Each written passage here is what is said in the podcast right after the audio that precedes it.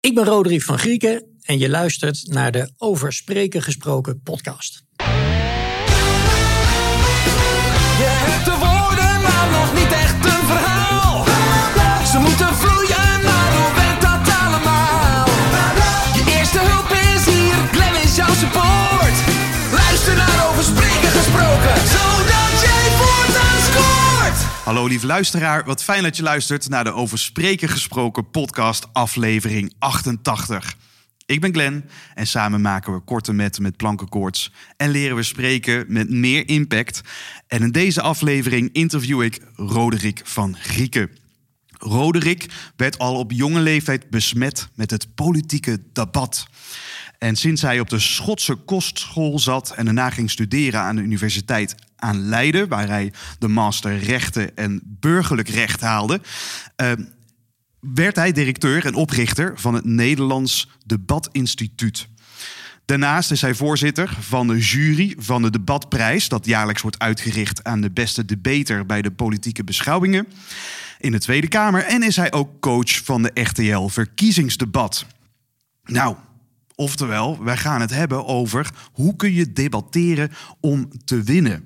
Hoe kun je nu ervoor zorgen dat je in plaats van een discussie een kwalitatieve debat houdt, waarin je je standpunten helder formuleert, dat doet vanuit verbinding met die ander en dat je er misschien in het ergste geval zelf ook nog iets van leert. Luisteraar, ik wens je heel veel luisterplezier toe. Roderick, welkom in de podcast. Leuk om er te zijn, Glenn. Ja, wat- voor de uitnodiging. Ja, heel, heel fijn. En we, hadden, we zaten al heel fijn voor te kletsen. En ik heb heel veel zin om, om, om debatteren bij de Lurf te pakken. We hebben hier gewoon nog geen enkele aflevering specifiek over debatteren gehad. Een schande. Een schande. Dus daarom heel fijn dat jij er bent. En misschien om maar meteen heel even de inhoud in te duiken... en dan leren we aldoende jou ook beter kennen. Wat is eigenlijk het algemene doel van een debat? Nou, dat kan je vanuit drie perspectieven bekijken. Ehm, degene die kijkt naar een debat, die heeft denk ik als doel om over een vraagstuk meer informatie te krijgen. Zodat hij snapt wat het dilemma is en daardoor zijn eigen mening kan vormen. Eh, degene die een debat organiseert, die wil zorgen vanaf de andere kant dat degene die er naar kijkt of naar luistert, dat die geïnformeerd wordt. Dus die wil op een zo goed mogelijke manier dilemma's in kaart brengen. En degene die deelneemt aan een debat, ja, die wil vooral winnen. Die wil zorgen dat zijn of haar standpunt uiteindelijk door zoveel mogelijk mensen geaccepteerd wordt. Ja. En ik hoor, wat ik hier interessant vind, is dat je er eigenlijk, dat, zo had ik het nog niet eens gezien, dat er altijd dus een publieke aangelegenheid bij komt kijken. Namelijk, je hebt dus geen debat als wij gewoon met z'n tweeën eh, gewoon een gesprek voeren. Nee, dan zijn we eigenlijk aan het discussiëren. Dus, Oké. hè, discussies, wat je, zeg- zeg ik altijd, wat je in de kroeg doet. Of aan tafel, of, of waar dan ook. Ehm, hè, dat is twee mensen die met elkaar over een onderwerp van mening verschillen... en proberen elkaar te overtuigen. Ehm, een debat, daar zijn twee partijen met elkaar aan de slag. Jij en ik. En daar zit, nou, laten we zeggen, de, ding, nou, de luisteraar naar deze podcast... Ehm, die proberen we te overtuigen. Dus er zit bij een debat altijd een derde partij is er in het spel. Ja. En dat kan dus wel, zoals je zegt nu, een podcast, daar, daar zou dus wel een debat gevoerd kunnen worden. Want dan, dan, dan zit dus de overtuigingskracht zit hem dat, dat ik als debater de luisteraar of de toehoorder zou willen overtuigen van dat standpunt. Ja, want kijk, het, de premisse bij een debat natuurlijk is dat er een meningsverschil is. Ja. Eh, dus ik noem maar wat, stel jij bent heel erg voor het Koningshuis, ik ben heel erg tegen het Koningshuis. Wij gaan daar met elkaar over debatteren. Nou, de kans dat jij mij in dat debat gaat overtuigen eh, is niet zo groot. Want ik eh, ben dan principieel tegen het Koningshuis en jij bent, nou ja, jij zwaait per gelegenheid met vlaggetjes. Ja, precies. Hij houdt nog steeds uit hoor. Dus waarom voeren wij dat debat? Ja. Dat is om bij die luisteraar die denkt... nou, interessant, ik wil eens wat meer horen over de voor- en tegenargumenten van het Koningshuis... om die beide uitersten te laten horen zodat hij zelf tot een nieuw inzicht komt. Hè. Je Ja. hebt een heel mooi adagium eh, wat zegt... uit meningsverschillen ontspringt de waarheid. Want allebei hebben wij geen gelijk. Eh, 100% gelijk. En de waarheid zal wel ergens in het midden liggen... ja. Eh, maar door de beide uitersten te belichten ontstaat vanzelf de nuance bij een goed debat. Precies, dus het doel van de debater is niet om die persoon tegenover hem te overtuigen. Want dat, dat gebeurt dan toch niet. Dat, Zelden. dat zou heel raar zijn. Zelden, ja. En tegelijkertijd is dat natuurlijk ook waar, wat, waar het kritiek wat het publiek soms heeft hè, op, op zo'n verkiezingsdebat, zoals bij, bij RTL. Dat, ja, dat, dat de standpunten al zo vooringenomen zijn, dat er zo weinig wordt bewogen, als het ware. Ja, dat, dat mensen denken van ja, waar, waar kijk ik eigenlijk naar? Ik, ik zie weinig dynamiek tussen de verschillende debaters. Ja, maar je hebt ehm, bij zo'n verkiezingsdebat, als het goed georganiseerd is, als Ja. het goed in elkaar zit, dan is nu eenmaal het belangrijkste doel dat jij als kijker moet op. Nou, wat hebben we nu straks 16 maart weer naar de stembus voor gemeenteraadsverkiezingen. Jij wil voor jezelf een orde krijgen op wie zal ik gaan stemmen. Ja. Ehm, op welke partij. En dan wil je weten waar zijn ze het nou precies met elkaar over oneens. Dus wat zijn de grote onderwerpen die nu spelen. En waar verschillen die partijen over van mening. Mhm. En waar voel ik me het meest toe aangetrokken. Dus bij een verkiezingsdebat ben je niet zozeer op zoek, denk ik, naar die verbinding tussen de partijen. Want jij moet uiteindelijk kan je maar één vakje aankruisen. Dus informeren is daar misschien Ja, belangrijker. ja. En dat dan soms doen op een provocerende manier. Ja. Omdat ik dan weet dat dat, nou, dat, dat creëert wat bij die ander. En dat maakt het heel moeilijk. Hè? Want ik, ik ben dus bij die eh, RTL 4 verkiezingsdebatten betrokken. Ja. Ja, dat bereid je voor met allemaal zeg maar, politieke junkies zoals ik. Die heel erg in die materie zitten. En het belangrijkste wat ik altijd bij RTL zeg... Ja, we organiseren dat debat niet voor onszelf. En waar je het voor organiseert is voor, een, wat is het, anderhalf, twee miljoen mensen... eh, die RTL 4 naar dat verkiezingsdebat kijken. Die in hun dagelijks leven politiek echt wel een beetje volgen... maar voornamelijk met andere dingen bezig zijn. En die wil je in anderhalf uur tijd informeren over... nou, dit zijn nu de belangrijkste vraagstukken. Ja. Hier verschillen ze over van mening. Kijk jij maar waar je het meest bij aansluit. Ja. Dat is eigenlijk het doel. En dat heeft dus nooit, dat is vaak kritiek op die debatten. Van, ja, het heeft een diepgang van niks. Ja, dat wordt vaak gezegd door mensen die dagelijks de politiek volgen. Ehm, en als jij dagelijks de politiek volgt, ja, dan, dan ga je niet zoveel leren uit dat debat. Maar daar is het niet voor. Dat debat is voornamelijk voor de mensen die het niet iedere dag volgen. Om die in anderhalf uur op hoofdlijnen bij te praten. En je zei net al dat dat gebeurt op het moment dat een debat goed is geregeld. Ja. Dus dat suggereert al dat er, wat er, dat er facetten zijn dat wat iets een goed debat maakt of niet. Wat, wat, wat, zijn, wat zijn een paar voorbeelden van dat soort facetten die een debat kunnen maken of breken? Ehm, een belangrijk ehm, vertrekpunt van een verkiezingsdebat is dat je durft keuzes te maken. En dat je een één vraagstuk voorlegt. En wat ik heel vaak fout vind gaan bij verkiezingsdebatten is dat ze zeggen, nou, we gaan het nu hebben over de economie. Eh, nou, namens de partijen Vergozen het woord aan Glenn. Wat moeten we doen met de economie? En dan, nou, jouw speerpunt is eh, dat er iets met de arbeidsmarkt moet gebeuren. Dus Ja. jij gaat daar een heel verhaal over vertellen. Nou, dan gaan we nu naar Roderick. Wat vindt hij van de economie?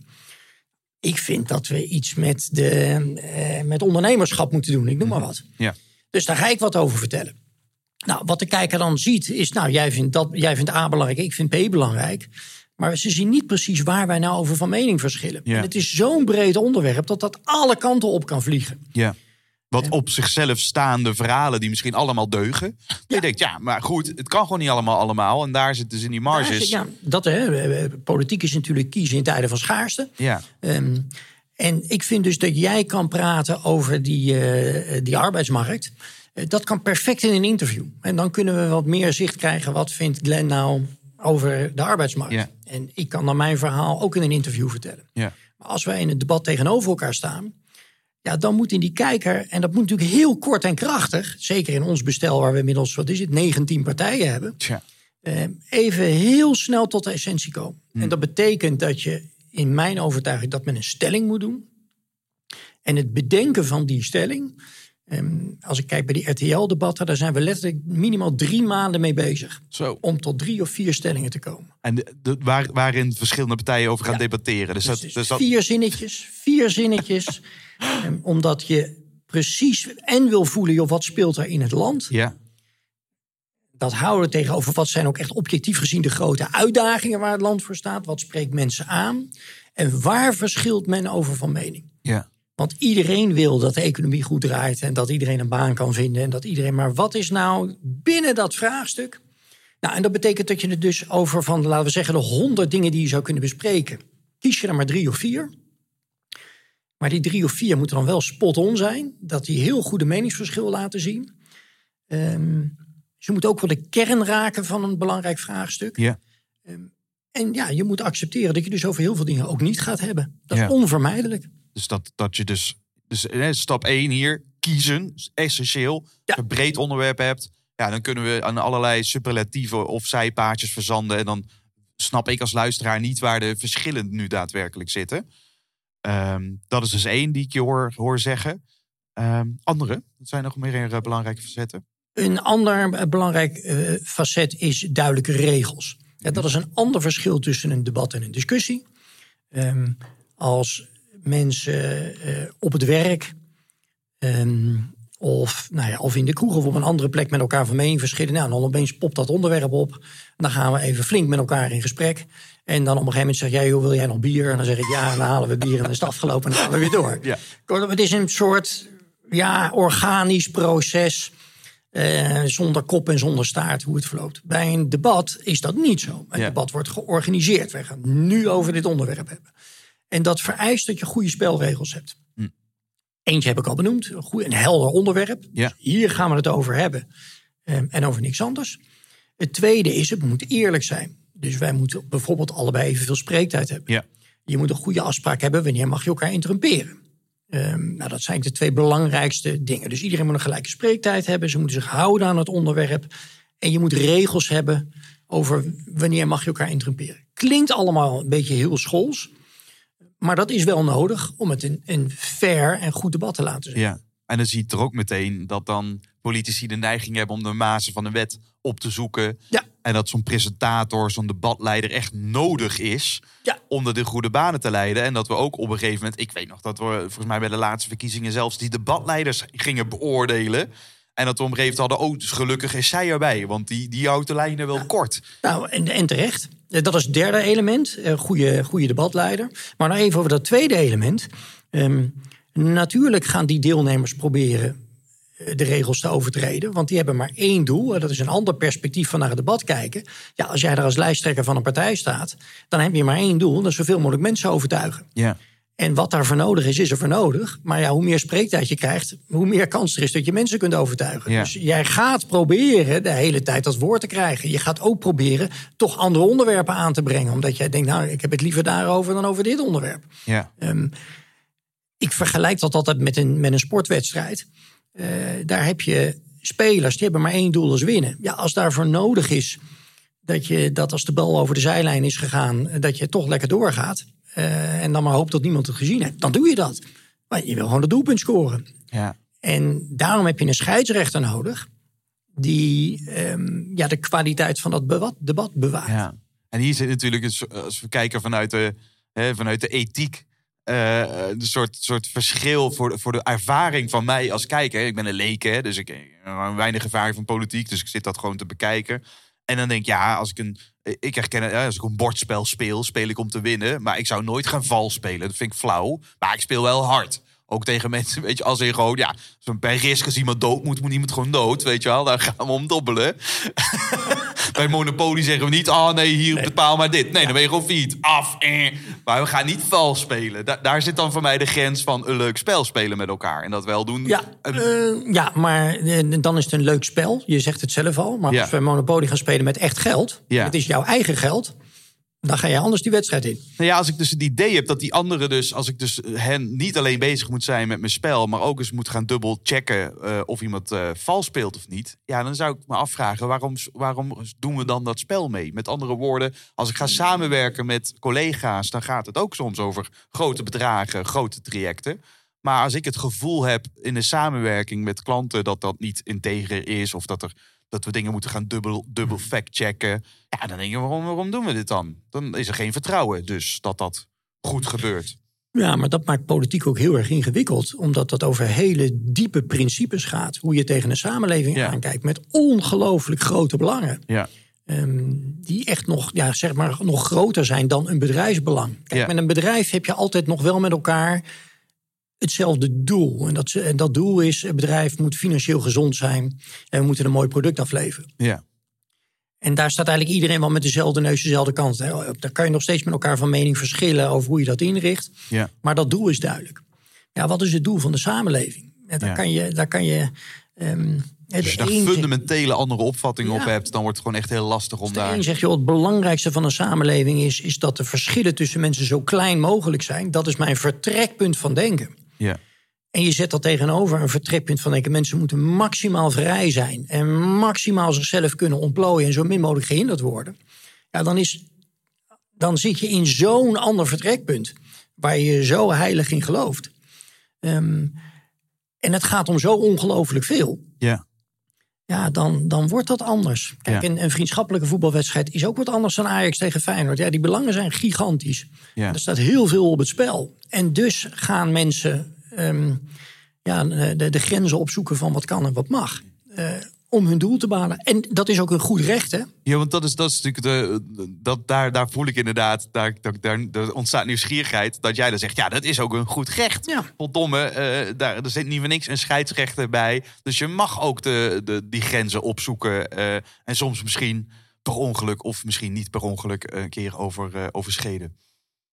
Ja, en je, ehm, eh, omdat je voor. Kijk, ik ga er bij iedere politicus vanuit dat hij dat hij daar ehm, echt staat vanuit een overtuiging. Hoe dat land ingereerd moet worden. Ja. Dat hij heeft mensen die op hem stemmen, of hij of zij wil dat mensen om hem gaan stemmen.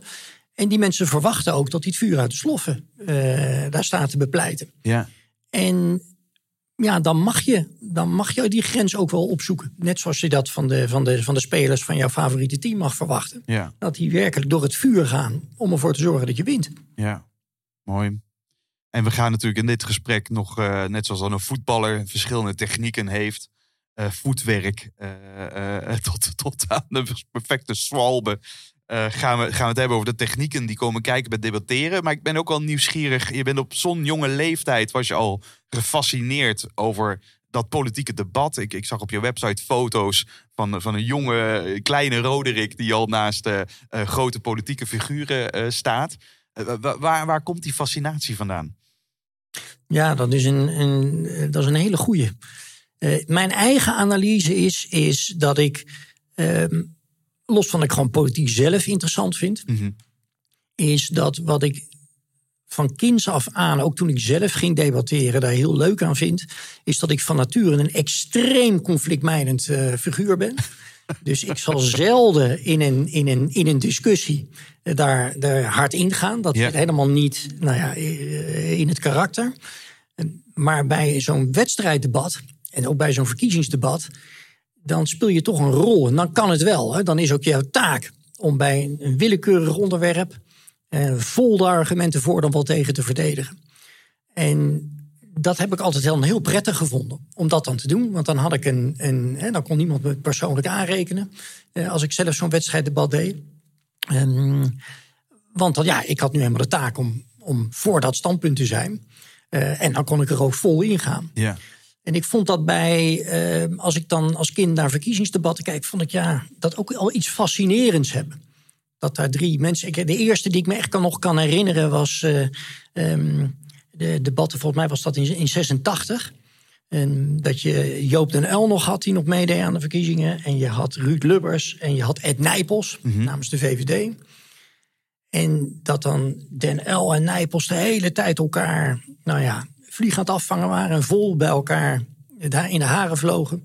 En dat dan Ruud Lubbers dergelijk helemaal niks. Die zat alleen maar te wachten en te wachten. Totdat de debatleider op een gegeven moment dacht, ja, nu moet ik hem toch ook een keer het woord geven. Eh, en dat hij dan heel, dat voelde ik als kind al aan dat hij dat, dat machtig mooi vond.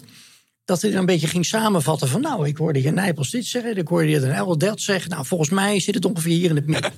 en toen voelde ik al van, ja, dat is natuurlijk het slimst om te doen. Ja, oh ja. Die, ja, die fascinatie, nou, ik kan met evenveel plezier nu nog steeds naar debatten kijken. Dus als als klein kind soort van zitten Ja, wiebelen. dus oh, dit is goed. Als, als, burger, inwoner van dit land, me af en toe kapot erger. Ook in, in, in steeds groter wordende mate. Ja. Maar dat element blijf ik nog steeds heel interessant vinden. En het element is dus de keuzes die ze in dat gesprek Ja. maken. Dan wel, dan niet voorbereid. Eh, eh, eh, hoe ze zich verhouden om uiteindelijk ja, de, de punt en, Ja. en de aandacht te kunnen trekken. Ja, en het mooie bij die verkiezingsdebatten is, daarom vind ik dat altijd een beetje de moeder van alle debatten. Ja. En van alle discussies. Dan komen we straks misschien wel over te spreken. Daar zit alles in. Dus alles wat met mondelinge communicatie te maken heeft, zit in een debat. En dan moet je het allemaal tegelijkertijd doen. En die verkiezingsdebatten worden natuurlijk tegenwoordig tot in den treuren voorbereid. Maar tegelijkertijd, als je daar staat, moet het overkomen alsof je het ter plekke bedenkt. Ja. En die scheidslijn, om dan precies, ondanks alle eh, voorbereiding, op het juiste moment, nou, al die dingen te doen die je, die je moet doen en dat aan te voelen. Nou, dat vind ik fascinerend om te zien. Hè. Soms zie je dat iemand iets heel nou, keurig heeft voorbereid.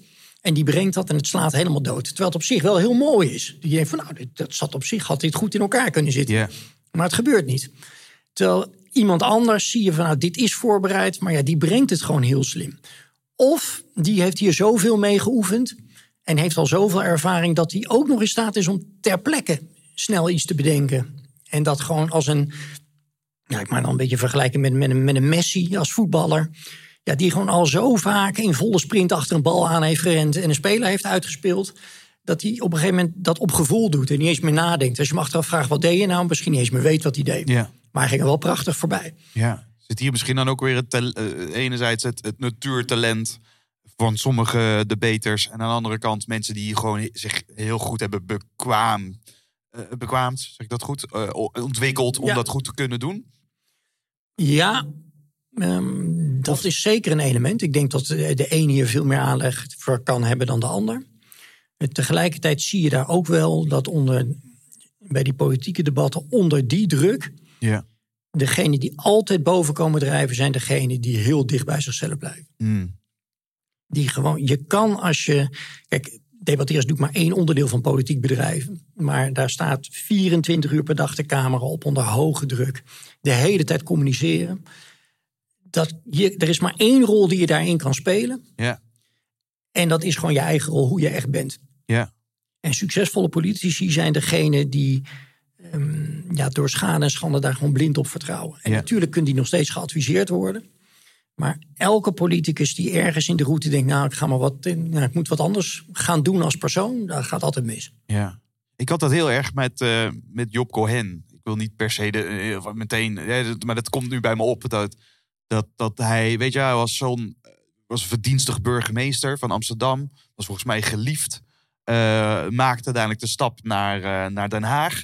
En, en, en sneuvelde daar voor mijn gevoel heel erg in die debatten. Daar waar het volgens mij gewoon een heel bekwaam eh, po- politicus is. Maar, maar kwam gewoon die druk die van, van andere spelers in dat veld. Hij, hij dacht gewoon, dit spel, ik heb ook volgens mij helemaal niet de wil om die discussie aan te gaan. En dan maar ver- vernevelde daar compleet in het geweld van eh, nou, Mark Rutte, een Wilders. Eh, hoe, hoe kijk jij daarop terug? Ehm, nou, voor mij speelden daar twee dingen. Ehm, het eerste is dat hij. Kijk, Job Cohen was een heel kundig, ervaren bestuurder. Maar had nog nooit. Ik noem dat altijd maar in de, in de loopgraven van het parlement gestaan en van het politieke debat. Ja. En dat, ik vind wel dat je dat ook moet kunnen. Maar dat, de meesten kunnen dat niet in één keer. Als je kijkt naar de afgelopen Tweede Kamerverkiezingen. ehm, nou, kijk naar een Wopke Hoekstra.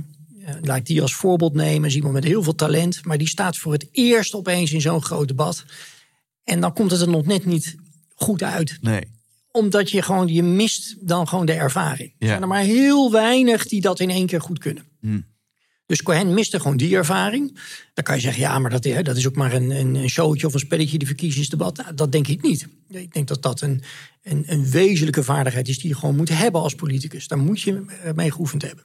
Tweede wat daar speelde, en ik denk dat dat hetgeen is wat hem het, het meest toegenekt heeft, is dat dat nu een voorbeeld is van iemand die wat anders is gaan doen dan dat hij altijd deed. Dus Nederland had toen allemaal grote economische eh, problemen. Ehm, hij kwam als burgemeester, werd hij opeens partijleider van de Partij van de Arbeid. We zaten in een crisis en de analyse was, joh, hij weet niet zoveel van de economie. Dus hij is toen maandenlang door Wouter Bos en door Diederik Samson en door Jeroen Dijsselbloem gedrild op, jij moet die economie kennen. Dus allemaal, Ja. wat op zich goed is. Hè? Ja. Tuurlijk had hij daarop voorbereid moeten Een worden. soort bij, eh, bijgespijkerd worden, maar het, blijft, het wordt nooit je strong point. En niet, en dan, ja, dan opeens ga je zo'n verkiezingsdebat in. En dan is je, je hele focus daarop.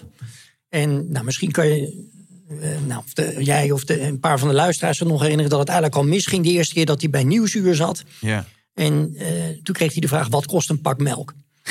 Ehm, en daar had hij het antwoord niet op, wat natuurlijk prima kan dat Ja. hij dat niet weet. Maar hij zat zo in zijn hoofd met: oh jee, ik moet, ik moet hier een antwoord op hebben. Pak, dit is de examenvraag 1 en ik ga nu al dat. dat dat daar straalde gewoon vanaf. Van, Ongemak. Nou gaat het toch nog mis. Terwijl je, als hij gewoon in die campagne 100% zichzelf was geweest.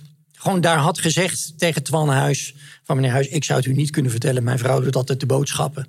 Ehm, en ik denk dat in mijn rol... Eh, tuurlijk moet ik de essentie snappen van wat dingen kosten. Maar wat een pak melk is, is niet zo belangrijk. Wat ik belangrijker vind, nou, dan terugdraaien naar wat anders. Ja, precies. Wat hij natuurlijk zijn hele carrière ook al wel als burgemeester had gedaan. Maar nu opeens blokkeerde er iets. En dan, nou, het onderschrijft een beetje mijn persoonlijke overtuiging. Op dat niveau, zoek het zo dicht mogelijk bij jezelf. Weet je ergens weinig vanaf. Tuurlijk moet je erover bij eh, geschoold worden. Maar vermijd dat onderwerp. Praat over wat anders. Nou, ik voel dat er nog meer van dit soort voorbeelden de revue gaan passeren in dit gesprek. Maar weer even terug naar jou, want dan ga je naar eh, een Schotse kostschool. Eh, volgens mij dezelfde school als waar prins Philip en prins Charles naartoe zijn gegaan. Eh, volgens mij voor de kijkers van eh, The Crown, dan eh, wordt dat, hè, de- de- in de serie komt het volgens mij Ja. uitvoerig voorbij. Gordonston, ja. Ja, hoe was dat? Nou, dat was een hele ervaring. Ja, kan ik me voorstellen. Twee jaar ben je daar? Ik heb er twee jaar, ja, twee jaar gezeten. Ik ben van jongs af aan altijd naar van die, van die zomerkampen geweest. Ehm, en Gordonson had ook een summer school. En daar ben ik drie jaar op rij geweest. En dat vond ik altijd nou, fantastisch. En toen heb ik zelf op enig moment, nou, de korte versie is eh, zelf op een gegeven moment bedacht van nou, ik wil wel zo'n echte kostschool doen. Dat kwam uit jouw eigen Ja. eh, beweging en behoefte? Ja, ik heb dat zelf, eh, zelf ooit bedacht. Want het, het, het adagium is vaak... eh, ouders vinden het belangrijk dat het kind daar naartoe gaat. kind vindt het verschrikkelijk. Zie je ook in de serie wordt dat volgens mij helemaal uitge... Nee, het Eh, zou vergroot. romantischer zijn als ik dat kon vertellen. Maar, mooi, maar dat is helaas niet zo. Ik dacht, fantastisch dit. Nee, ik was een nakomertje. Mijn broer en zussen waren al de deur uit. En, en eh, daar waren er ook één of twee zaten ook al in het buitenland. En mij leek dit een mooie manier. Ja. Me niet re- voldoende realiserend dan een, een, een, een summer school... wat anders is dan een kostschool. Dus ik kwam op dezelfde locatie, maar in een totaal andere wereld. ja. En eh, nou, die twee jaar heb ik het niet, eh, niet altijd even makkelijk gehad. Maar ik ben wel ongelooflijk blij dat ik dat gedaan heb. Daar, ik heb daar heel veel over mezelf geleerd. Ik heb nou, Harry Potter-achtige eh, scènes meegemaakt. Eh, en het heeft me het debatteren opgeleverd. Want ik heb daar voor het eerst een, een wedstrijddebat gezien. En voor het eerst ook aan zo'n wedstrijddebat meegedaan. En wat natuurlijk tot op ja, de dag van vandaag eh, brandt dat vlammetje. Ja. Ja, en dat brandde zodanig dat je daarna ook mede daardoor besloot om rechten te studeren? Of was dat Nee, al dat soort was gewoon een, een, een Logisch. keuze uit eh, geen idee wat. Oké, Dus dan maar rechten. ja. Ehm, en ik ben toen tijdens mijn studententijd... was ik en heel erg actief op mijn eh, studentenvereniging in Leiden... bij, bij Augustinus. Mhm. Nou, daar heb ik een jaar of zes ongeveer gewoond. Ehm, daarnaast deed ik allemaal van die... eh, ben ik zelf debattoernooien gaan organiseren. Want er bleek toen in Nederland... eh, was eigenlijk nog bijna niets aan debatteren. Of eigenlijk helemaal niks. Behalve op, in bepaalde... of een aantal universiteitssteden was er een heel klein circuitje... En daar ben ik bij aangesloten en dat heb ik geholpen om dat wat groter te maken. En ik werd ook actief in de studentenpolitiek. Ja. Dus ik heb in de faculteitsraad gezeten, uiteindelijk ook in het faculteitsbestuur. En heb ook aan juridische pleitwedstrijden meegedaan.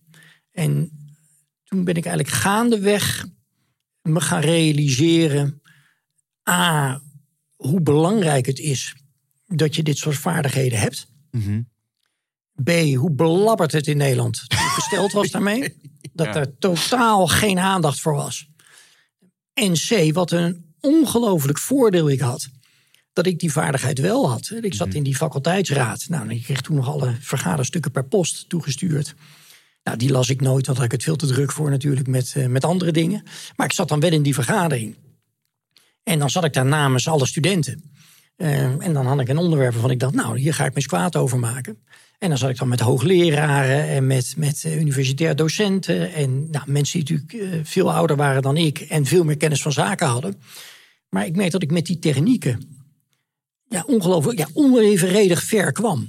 dat, ik, dat ik vaak die vergadering wist te overtuigen van iets wat ik zelf eigenlijk meer als een spelletje zag.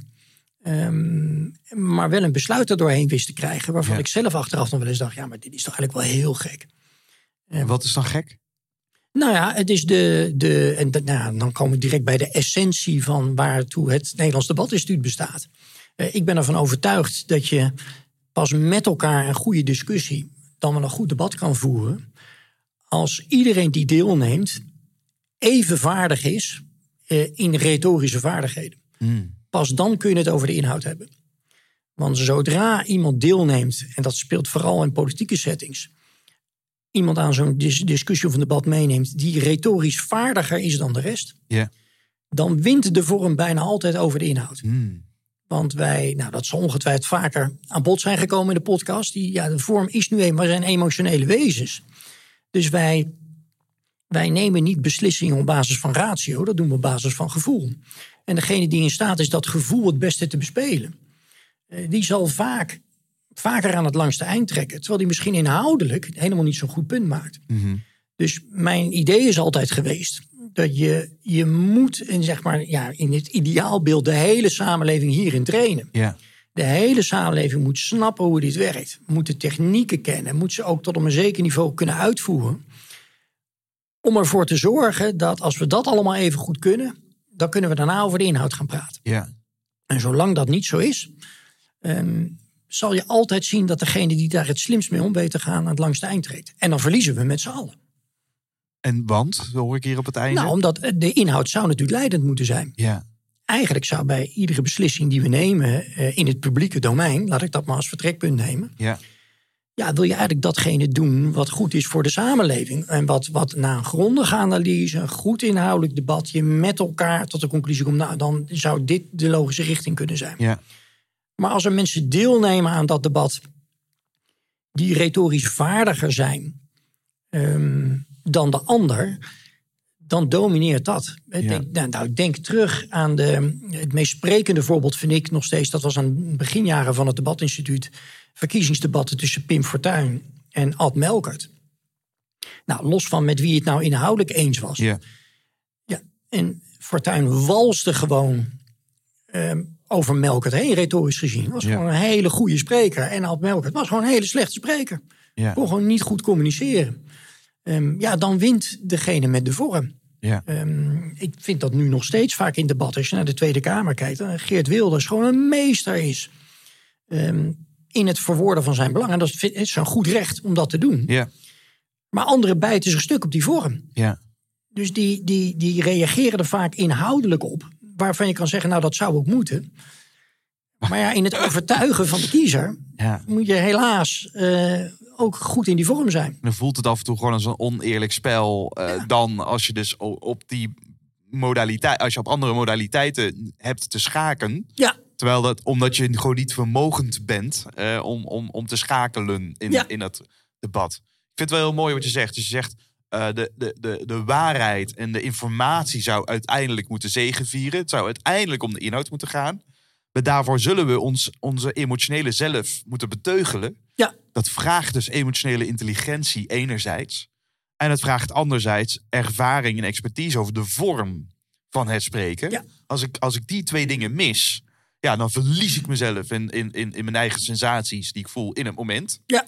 Ofwel, ik, ik weet de gedachten die ik heb niet op een goede manier te ordenen, waardoor niemand begrijpt wat ik eigenlijk bedoel. ja prima voorbeeld. Ja. En het is, dat, ja, ik vind dat, ik zie dat ook nu hè, in de debatten van, ik, ik gun mensen dan echt inderdaad. Ik, ik, ik heb zelf nooit ateneum of gymnasium gedaan, niet op de universiteit gezeten. Ik heb niks over debatteren gehad op school. Wat zonde. Ik wist, ik heb nooit filosofie gekregen. Doe nu een avondopleiding filosofie. Ik denk, ik had dit ook willen he- hebben op school. Ja. Maar misschien, ik hoor nou wel weer vrienden die op de universiteit zaten. van, Ja, Glenn, jij bent geïnteresseerd in filosofie omdat je het toen nooit hebt gekregen. Want het is toen op zo'n gorddroge manier aan mij toebedeeld... dat ik er daarna eigenlijk geen zin meer had om er nog iets anders Ja, mee maar- te willen doen. Maar dat is de, direct dan weer de essentie van ons vak Ja, natuurlijk. toch? Hè, Die filosofiedocent moet, het, moet de boodschap zo dienen verkopen...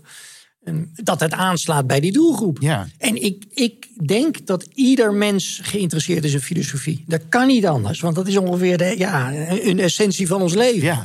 Alleen het moet op zo'n manier worden opgediend... dat het, dat het aanslaat bij die doelgroep die je probeert te overtuigen. Ja. Jij helpt met jouw stichting, eh, Stichting eh, Nederlands Debat Instituut, help jij volgens mij ook scholieren Ja, eh, eh, met debattechnieken. En dan ook niet het, het, het, eh, alleen universiteit, maar zelfs voor, op middelbaar beroepsonderwijs Ja. eh, zijn jullie actief. Ehm, wat, zijn daar, zijn, misschien, ik ben wel leuk, wat is daar het effect? Wat zie je daar gebeuren als je, als je eh, scholieren, studenten meeneemt in nou, de, de kunst van het overtuigen? ja, dan komt even het reclameblokje. Eh, Ja, Nee, of, dat- of, of ik ben oprecht nieuwsgierig. Ja, ja, nee, hè, want maar als, nee, ik als ga- het werkt, het, het. Ik ben, het is een reclameblokje, maar tegelijkertijd ook wel de essentie eh, ehm, waartoe ik beroepsmatig op aarde ben. Ehm en je hebt het bedrijf Nederlands Debatinstituut, geeft allemaal trainingen voor professionals op het gebied van spreken, argumentatievaardigheid. En we leveren dagvoorzitters voor Ja. bijeenkomsten. En je hebt Niet te snel sticht- praten, niet zo rustig. ehm, Overtuigend. ja, dat is waar. Je Ik hebt heb het gelezen in je boek. Flauw, hè? Ja. Ik ga even herhalen. Ja. Je hebt het bedrijf, het Nederlands Debatinstituut. Uh-huh, uh-huh. Ehm, training op het gebied van spreken, overtuigvaardigheden voor professionals. Dus Mhm. advocaten, ehm, ambtenaren, eh, politici, mensen in de zorg, noem maar op, professionals.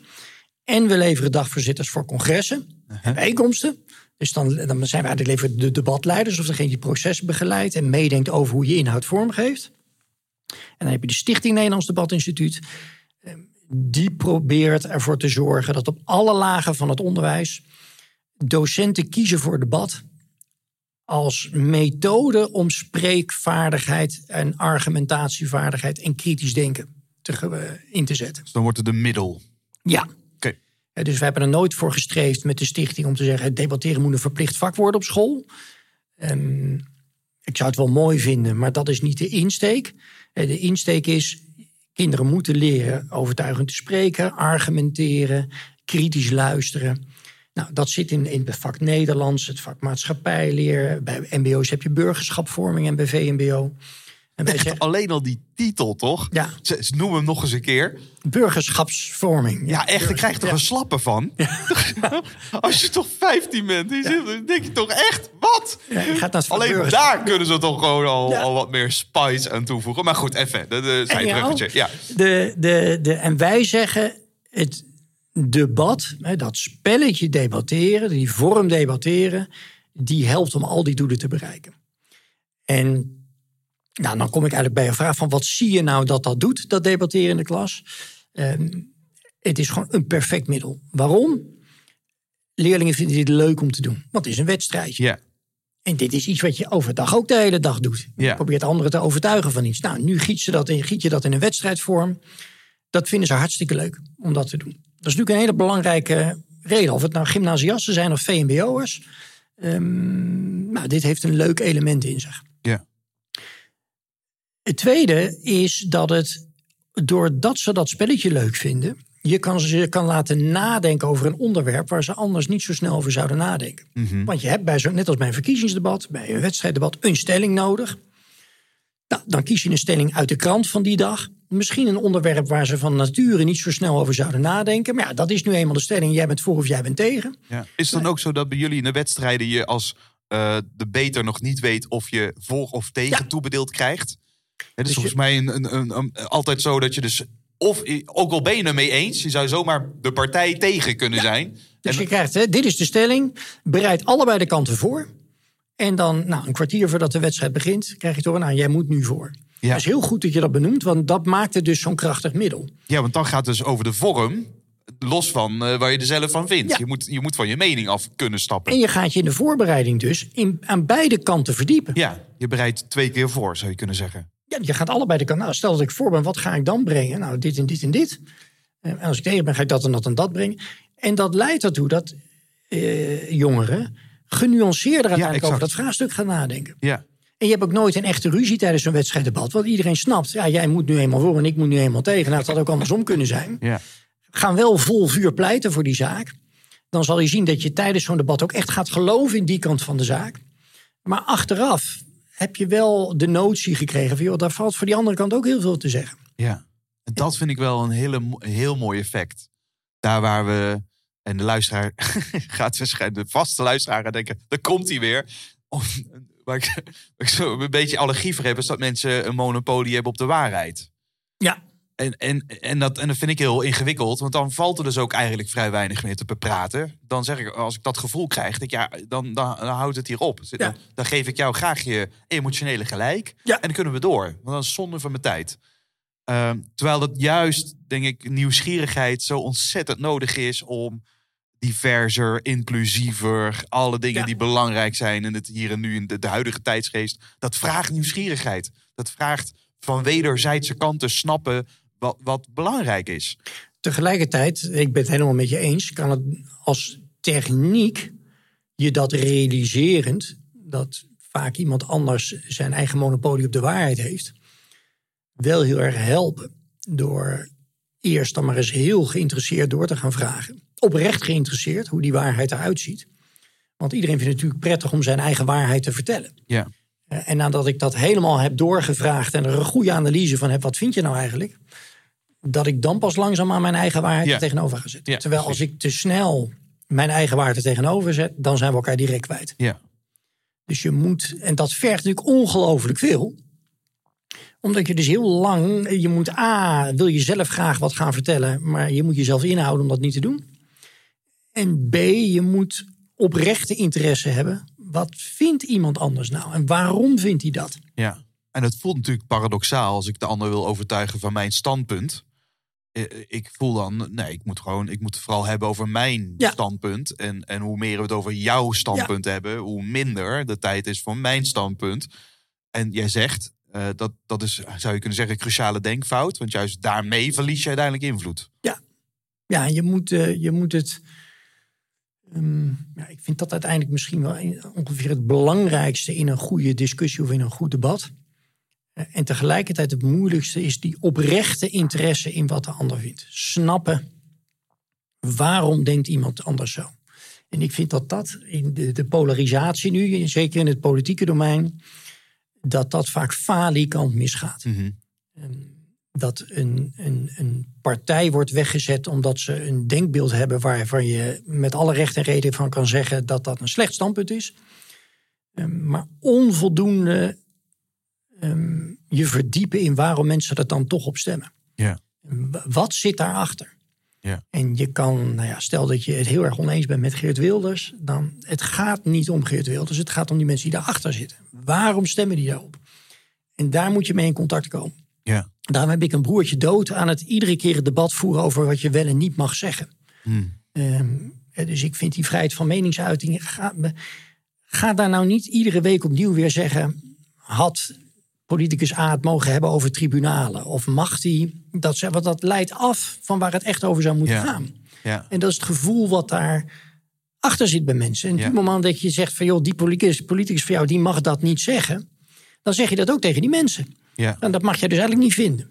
Oké, dus dat, dat, daar zit dan. Daar zit het in. Daar zit de schade die je berokkent eigenlijk. Dat- Waar zit de... Waar... waar ik, ik, ik geloof niet dat eh, als een... Nou, ik noem dan maar even Wilders en, en, en, en een Baudet... omdat die gewoon het meest in de oog springen op dit moment... Ja. dat mensen op hun stemmen... omdat ze het 100% eens zijn met wat er inhoudelijk gezegd wordt... en ze stemmen erop omdat ze het met een bepaald gevoel eens zijn. Ja, ja. ja dus, dus die En- Wilders vertolkt dus een stem die, die veel mensen op die manier ervaren. En dat is geen genuanceerde stem. Dat is een, eh, dat is een boze stem. Ja. Eh, en, en hij kiest belediging als vorm. Ja. Eh, en, en hij zet daarmee, zou je kunnen zeggen, dan een, een retorische valkuil uit. Jazeker. En, als, en, en het leukste vindt hij dus dat die politici daarop gaan happen. En het dan gaan hebben over de belediging. Ja. Eh, en hij, hij gewoon iedere keer, hoor, nou, we gaan woorden terugnemen. Ik heb geen sprake van. Weet je wel? Dus eh, de, hij kan iedere keer zijn punt opnieuw maken. Ja. Ja, zonder dat eigenlijk dat debat een bepaalde kant op gaat. Daarmee voed je iedere keer maar weer die achterban. Want die snapt ook echt wel dat hij misschien te ver is gegaan. Maar die zeggen, maar daar gaat het nu helemaal niet om. Het ga- het gaat, ze hebben een grotere hekel aan de andere kant. Die iedere keer maar weer zegt, dat mag, je, hè, dat mag jij niet vinden. Dat mag je niet zo zeggen. Nee, we willen dat je naar me luistert. En je willen, we willen dat je, dat je snapt wat daar achter zit. Je zat laatst, eh, kort geleden zat je bij Bo eh, aan de tafel. Toen ging het ook volgens mij over zo'n debatmoment. Ja. En, en, en, en dan zeg jij ook van ja, maar dat, vervelende is dat iedereen dan meteen interpreteert en dan daarover gaat beginnen. Dat mag je niet zeggen. En daardoor, als, als niemand daar vragen over had gesteld, ja, dan hadden we hier nu niet aan tafel gezeten, hadden we het erover gehad. We hebben het erover omdat het zo wordt uitvergroot. Ja, en de media cherrypikt dat momenten natuurlijk. Ik vind dat de media natuurlijk ook wel een aandeel heeft in dat hele vertrouwensissue. Hè? Ja. Want als je alleen maar dat soort momenten cherrypikt, ja, dan is dat ook het beeld wat, wat de massa krijgt. Ehm, maar tegelijkertijd denk ik van, ik, ik zit dan daar naar te kijken en ik hoor ook wat, dan wat je zegt. En ik denk, ja, maar die politici, hè, die zijn, het zijn allemaal, het zijn allemaal, dat zit ik, die zijn allemaal veel slimmer dan dat ik ben. Die hebben veel meer verstand van dit soort zaken. Ga ik dan maar even gemakshalve vanuit. Die snappen dat dan toch ook? Waarom trappen die dan in die valkuil? Nou, ik denk dat, er, ik denk dat daar twee dingen meespelen. Ik denk dat ze A, oprecht heel boos zijn op wat hij zegt. Ehm, eh, politici zijn ehm, bijna allemaal bevlogen mensen die echt staan voor een zaak. En als dat gezegd wordt, dan zijn ze oprecht boos en denken: hier moet ik wat van zeggen. En dat verwacht mijn achterban ook, of dat verwachten mensen ook dat ik dat doe. Want zwijgens instemmen of zo. Ja, of die, die, die, die, ja, die, eh, ze vinden dat daar een weerwoord op moet zijn. Daar valt ook best wat voor te zeggen. Ehm, maar ik denk dat het vaak verstandig is om het te laten lopen. Maar B, zit er ook een praktische reden ehm, en een- ja, een, een, eh, laten we zeggen, een politieke reden achter. Als jij degene bent die het beste weet te verwoorden, waarom je het oneens moet zijn met wat Geert Wilders zegt, dan win je daar electoraal mee. Als je kijkt naar, naar Alexander Pechtold van D66, ja, die heeft die partij in eerste instantie in, vanaf 2006 hadden ze nog maar drie zetels in de Kamer. Die heeft de partij weer groot weten te maken voor een belangrijk deel, omdat hij het beste was om weerwoord te geven aan Wilders. Dus dan stap je er in die discussie, omdat je denkt, joh, ik kan daar zelf ook profijt van hebben Ja. is ook een goed recht. hè, Dat, eh, dat mag. Maar ja, de, daarmee maak je het ook groot, Ja. het onderwerp. Ja, dus het kan, het kan een, een prima actie zijn, maar dan moet je wel van goede huizen komen, moet je zeggen. Ja, en de meeste die zijn niet sterk genoeg. En eh, ja, vergeet niet, Geert Wilders die ehm, heeft ook niet zoveel anders te doen. Want die hoeft geen partij aan te sturen, want die partij dat is die zelf. Die hoeft geen fractie echt aan te sturen, want hij is gewoon de baas. Ja. En hij hoeft niet mee te denken over hoe we de problemen in dit land echt oplossen. Nee, het is- Want daar staat hij helemaal buiten. Dus Ja. die, kan, die is en er goed in. En heeft goede mensen om zich heen. En die kan 24 uur per dag, 7 dagen in de week. zo'n Zanger. debat voorbereiden. Van joh, hoe ga ik dat doen? ja. En die staat dan tegenover een Sophie Hermans. Die zich als voorbeeld van de VVD. Die zich sinds die verkiezingen uit de naad heeft gewerkt. om een fractie aan boord te houden. Om te onderhandelen over dat kabinet. Dat iedere keer weer uit te leggen. Compromissen te sluiten. Die is de hele dag Zo, met, met, man. met dingen bezig. Haar wallen beginnen al langer te hangen dan de wallen van Wim Kok. Dus zeg maar, die werkt de fleuren, die wordt dan tegen de schenen Die- geschopt van, dat is van Wilders. prijzenswaardig en goed, hè? Want Ja. dat, zouden we, dat is uiteindelijk waar politiek om gaat. Is proberen samen verder te komen. Maar ja, en die kiest er dan voor dat een Wilders, die natuurlijk zorgvuldig dit heeft voorbereid. Om dan de arena in te stappen. Ja, die gaat, die gaat een, een, een sport beoefenen die ze zelf ook wel goed kan. Dat debatteren, want dat kan ze echt wel. Maar dat ga je doen tegen iedereen, iemand die alleen maar nou ja, laten we zeggen, op de 100 meter getraind heeft. 24 uur per dag, 7 dagen in de week. Terwijl jij de meerkamp doet, Ja, waarvan de 100 meter ook onderdeel is. ja, Ja, dat ga je 9 van de 10 keer gewoon verliezen. ja, Dus blijf er weg. ja. Ja. Laat hem dan. En ook dat is natuurlijk, dat kan je natuurlijk ook doorvertalen naar jouw eigen dagelijkse praktijk. Eh, als je in discussies zit of als je in een werksituatie zit, ja, choose your battle. ja. Waar, wanneer zeg ik wel iets, wanneer zeg ik niet iets.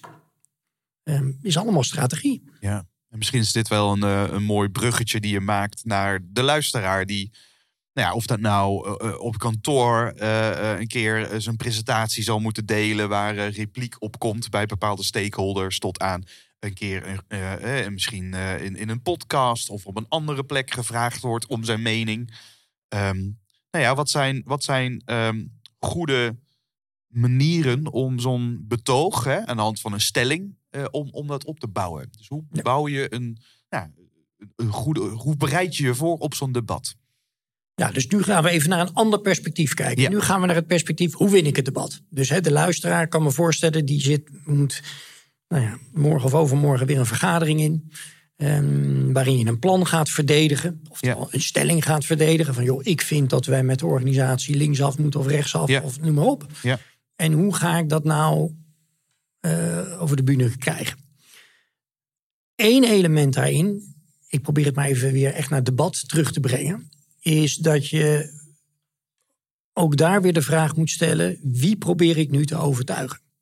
Nou, wij zijn een heel democratische samenleving, eh, ook binnen organisaties. We hebben wel een manager, maar in Nederland is de manager toch vooral, ja, iemand moet het zijn. Maar dat wil nog niet zeggen dat hij bepaalt wat er gebeurt, want dat doen we toch met z'n allen.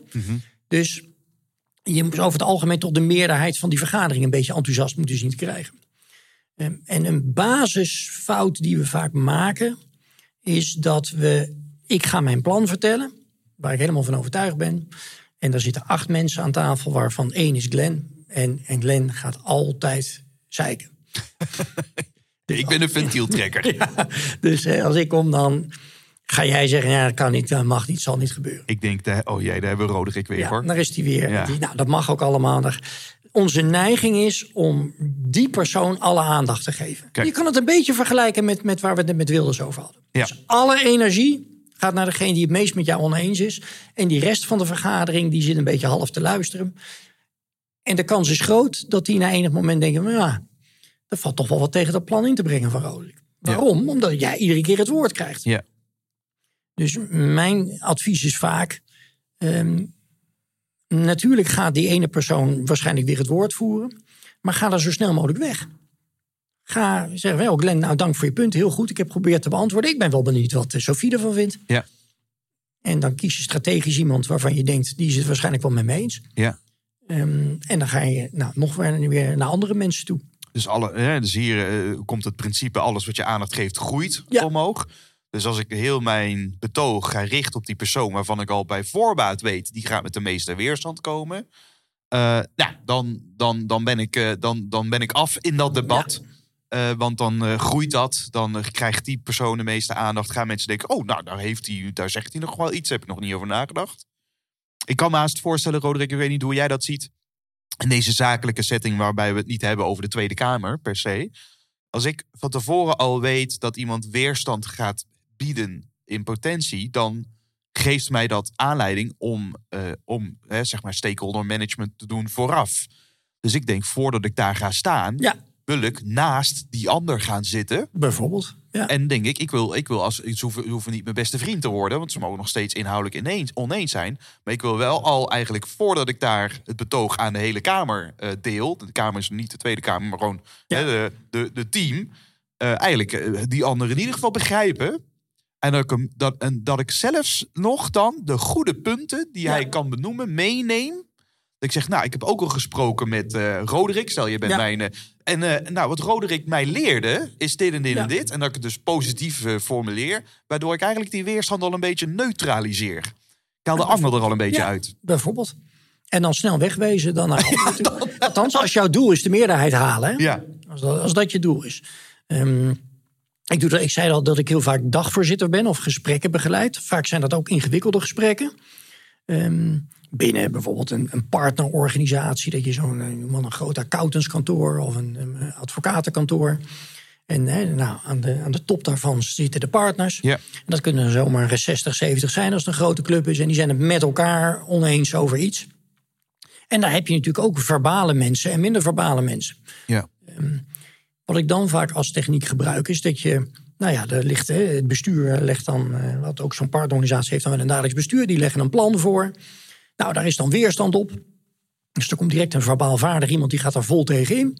Nou, die geef ik even de ruimte, ga ik weer terug naar bestuur. Nou, wil die nog een keer wat zeggen, ga ik nog een keer terug. Dan vat ik objectief samen wat hij gezegd heeft. Van nou, ik hoor Piet zeggen dat we dit plan niet moeten doen, omdat dat echt nou ja, de, de bel aan de wortel is van deze organisatie. Mag ik even de vingers zien in de zaal? Wie is het met Piet eens? Mijn ervaring is dat 9 van de 10 keer er dan, nou, la- la- laten er 60 mensen zitten, gaan er misschien 10 vingers omhoog. En de rest niet. Ehm, dan kan ik heel goed samenvatten. Nou, eh, Piet, je ziet het. Hè? Een aantal mensen zeggen het met je, andere mensen ook niet. Ik ga nu even naar iemand die een heel ander standpunt heeft. Dus dan breng je ook, ehm, hou je de vaart in dat gesprek en krijg je ook echt alle perspectieven boven tafel. Ja. En je maakt een soort sociale shift hier. Dat als Piet ook ziet van nou, weet je ik heb eh 20% max eh, aan mijn kant. Ja, dan, dan, dan dat geeft jou natuurlijk het vermogen om als Piet weer zijn hand opsteekt. Nou Piet, ik zie je vinger. eh, ik ga, Ga toch even door, de ja. andere kant, eh, die andere 80% eh eh En dat is- aangeven. En dat is een, een, aan de ene kant zou je kunnen zeggen, nou, dat is een beetje een trucje van een gespreksleider. Tegelijkertijd is het ook heel fair om het op die manier te doen. Ja. Want ik heb naar Piet geluisterd. Hij heeft één of twee keer zijn ding kunnen vertellen. Nou, we hebben even gepeld in de zaal. Wat vindt iedereen? Ja. Nou, dit is het gewicht van de opmerking van Piet. Dat is van de 60 mensen, nou 10. Dat is 1 zesde. Ja, ik ga eens kijken wat er nog meer voor gewicht in de schaal is. want als het dan een som zou zijn, als 80% zijn hand op, zou steken, Dan- zou je natuurlijk een ander, ander Ja, gesprek gaan tuurlijk. voeren. Dan zou je denken, hé, hey, maar dit is dus, eh dankjewel Piet, want hier moeten we het dus over hebben met elkaar. Maar ik wil het nu ook even van iemand anders horen. Ja. Hè, Dus Piet verwoordt het zo. Wat vindt de buurvrouw ervan? Ja. Verwoord jij het op dezelfde manier? Of zit bij jou toch een slagje anders? Ja. Ehm, dus op die manier krijg je ook voortgang eh, in het gesprek. Dus, dus hierin blijf niet hangen eh, bij, bij de weerstand. Zorg altijd dat je doorpakt, dat je die Ja. andere gezichtspunten belicht. Eh, nog even terug naar de voorbereiding. Want we waren ons het voorbereiden. Je, je benoemt hier iets wat regelmatig fout gaat. Kan ik me ook voorstellen. Want eh, diegene die meteen met, de, met de hakken erin schiet. Ja, da- daar zijn we ook een beetje bang voor. Hè? Dat, Ja. dat willen we niet. Ja, Ehm, wat, wat, wat, hoe kunnen we nog meer ons, ons betoog eh, voorbereiden? ja.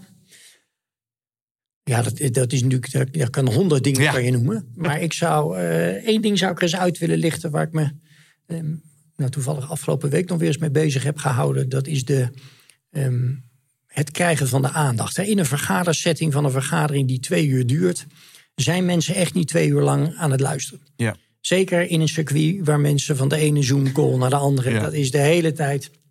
En wat we vaak onderschatten, is dat wij denken als wij gaan praten, nou iedereen is stil en iedereen kijkt een beetje mijn richting op, dat we dan denken dat mensen luisteren. En, en dat is natuurlijk helemaal niet zo. Nee. Want ondertussen kan iemand al lang Boodschappenlijstje. boodschappenlei, weet ik van wat hij aan het doen is. Dus als ik nou ja, van de honderden dingen die je zou kunnen noemen, een belangrijk element vind ik zorgen dat je die aandacht krijgt. Ja. Dus zorg dat je aan het begin iets zegt waarvan mensen denken: hey, Opletten. dit wil ik wel, ja. Dus, en dat kan op honderd verschillende manieren. Dat kan door als het een ingewikkeld vraagstuk is. En hebben al zeven mensen gesproken. Als je dan begint met de, met de zin. Nou, ik heb even geluisterd naar iedereen. Volgens mij zijn er, als ik het zo beluister, twee vragen die centraal staan. Hmm. Dat kan een manier zijn. Hè? Dat biedt al een ingewikkelde discussie. Vindt iedereen het fijn als er opeens iemand is die, die in ieder geval een poging doet. samenpakt. Om dat, iets te staan. Oké. dat zou kunnen. Dus we hebben, we hebben er honderd. Laten we er even voor het gemak drie, eh, tussen de drie en de vijf pakken. Dus één is, jij neemt de aandacht door het soort van samen te vatten. Ja. Maar wat jij ook, waar je de nadruk op legt, hè, want jij voegt, doet eigenlijk al veel dingen tegelijkertijd. Ja. Is oké, als ik zit te beluisteren, volgens mij zijn er twee dingen, die, twee vraagstukken die hier eh, ten Ja. grondslag liggen. Dat is, dat is natuurlijk heel vernuftig. Het zaadje planten bij de toehoorders. Hè? Want als jij Ja. dat noemt, dan dat is een hè, soort pre-frame. En dan wil, ik, dan wil ik weten wat die twee zijn. Ja, En, Ja, dan, en ik ben blij- en als het, dit werkt dus als het een hele ingewikkelde discussie alle kanten op- en iedereen zit in de fase in de vergadering van jongens waar, waar hebben we het over? Wat Ja. is de eh, iedereen loopt in het bos en is de weg kwijt. Ja. Nou, dan kan dat een manier zijn eh, om aandacht te krijgen. Een een andere. andere manier kan zijn is door bijvoorbeeld een vraag te stellen aan die vergadering. Jongens, als we, we hebben het nu over de vraag: moeten we verhuizen of niet? Ik noem maar wat. Ehm, volgens mij begint dat met de vraag, en die wil ik eens aan jullie voorleggen. Welk cijfer geef je de locatie waar we nu zitten? Als we even dit allemaal vergeten waar we het over Bedenk nou eens na, joh, we zitten hier in deze prachtige deze locatie. Welk cijfer geven we dit? Ik noem maar wat. Ja. Dus wat je doet, is je, je legt een vraag voor. Dat vinden mensen sowieso prettig. Niet weer de volgende die ook weer een heel verhaal gaat vertellen. Maar iemand die direct geïnteresseerd is in wat de vergadering vindt. Dus je maakt contact met je, eh, met je club. Ehm, ten tweede neem je ze serieus. Want jij begint dus met aan hun te vragen... wat vinden jullie in plaats van dat ik ga vertellen... wat ik als 37 e persoon aan tafel er ook van vind. Ehm, en dan moet het natuurlijk ook nog wel een goede vraag zijn. Dus je moet eh, de, de, ehm, het moet ook wel een vraag zijn waarvan mensen denken: hé, hey, dat, nou, dat is eigenlijk wel een, wel een interessante in dit Ja. kader. Maar ook dan doe je dus weer iets anders dan wat de rest heeft gedaan. Ehm, en het, als je die vraag goed stelt, en het is de goede vraag, ja, trek je aandacht naar je toe. Hè. Je zat er vast ook wel eens misschien eerder over gehad hebben, de, de captatio benevolentiae. Dus je wil de welwillende aandacht krijgen van de mensen die in die vergadering zitten. En die, die, ehm, ja, die moet je misschien gewoon wakker schudden in het begin. Door iets onverwachts te doen. Je kan ook opstaan, even een rondje rond de tafel. Dat iedereen denkt, wat krijgen we nu? Ja. Dus, En- dus, dus we hebben, eh, we hebben een korte samenvatting en dan, Een en, en, en, en een framing van eh, ik, Ja. eh, twee dingen noemen, drie. Ik heb eh, de, de vraag stellen. Eh, Dan wel gesloten, dan wel geven ze Ja. even een cijfer van 0 tot 10, tot aan laat even handen zien. Hè, dat, dat, eh, de, eh, iets onverwachts doen. Ja. Iets wat, wat even de dynamiek doorbreekt van het grauwe hoer. Oké. Wat is jouw favoriete? Is er, is er eentje waarvan jij zegt, ah, die zie, die zie ik niet heel veel, maar die, die vind ik zelf wel erg lekker om te doen. Ehm, nou, mijn, mijn, mijn favoriet is dan toch wel die, ja, eigenlijk toch wel die eerste. Daarom doen ik ook als eerste. Iemand ja. die, als je in staat bent om even goed samen te vatten. Hm. Omdat je daarmee, eh, ik vind dat namelijk inhoudelijk sterk, mits het een goede samenvatting is. Ja. Eh, ten tweede doet het recht aan, aan wat er al gebeurd is. Ja. En niemand zit te, ja, te wachten aan nog het 37e totaal nieuwe perspectief. Ja. Helemaal prettig als iemand voortborduurt. Het is gewoon prettig als je, als je het terug weet, iets complex weet terug te brengen naar een paar eh, principes. Ehm, dus ik, persoonlijk vind ik dat de mooiste. En dat bewijst, bewijst ook dat je hebt geluisterd. Ik Ja. kan me voorstellen, dat geeft je ook nou, de wederkerigheid. Dat mensen denken, oh, nou, dat vat hij mooi samen. In een, dus in een vergadersetting vind Ja. ik dat het mooie. Bij een presentatie ben ik een enorm fan van de, eh, de persoonlijke anekdote. Om daarmee te beginnen. Omdat je, dus dat je iets over jezelf vertelt. eh, in een situatie waardoor mensen denken: hé, hey, dat wil ik wel even horen. Omdat je daarmee een aantal dingen doet. En, eh, A, kan het verrassend zijn, persoonlijke anekdote. B, B, je laat mensen ook met jou kennis maken. Ja. Dus je, je, je vertelt iets over jezelf. En, en als mensen jou sympathiek vinden, dan is de kans dat ze je verhaal sympathiek vinden, wordt ook groter. Ja. Dus ik hou heel erg van anekdotes. Moet dan wel weer een goede zijn. En hij moet goed gebracht worden. Dus dat is nu. eh, het lijkt heel simpel, maar, maar het moet wel een goede. Ja, het moet een goede zijn en je moet hem goed brengen. En als het gaat over debatteren, eh, hè, want we hebben natuurlijk we hebben verschillende afleveringen al gehad over storytelling en Ja. de essentie daarvan.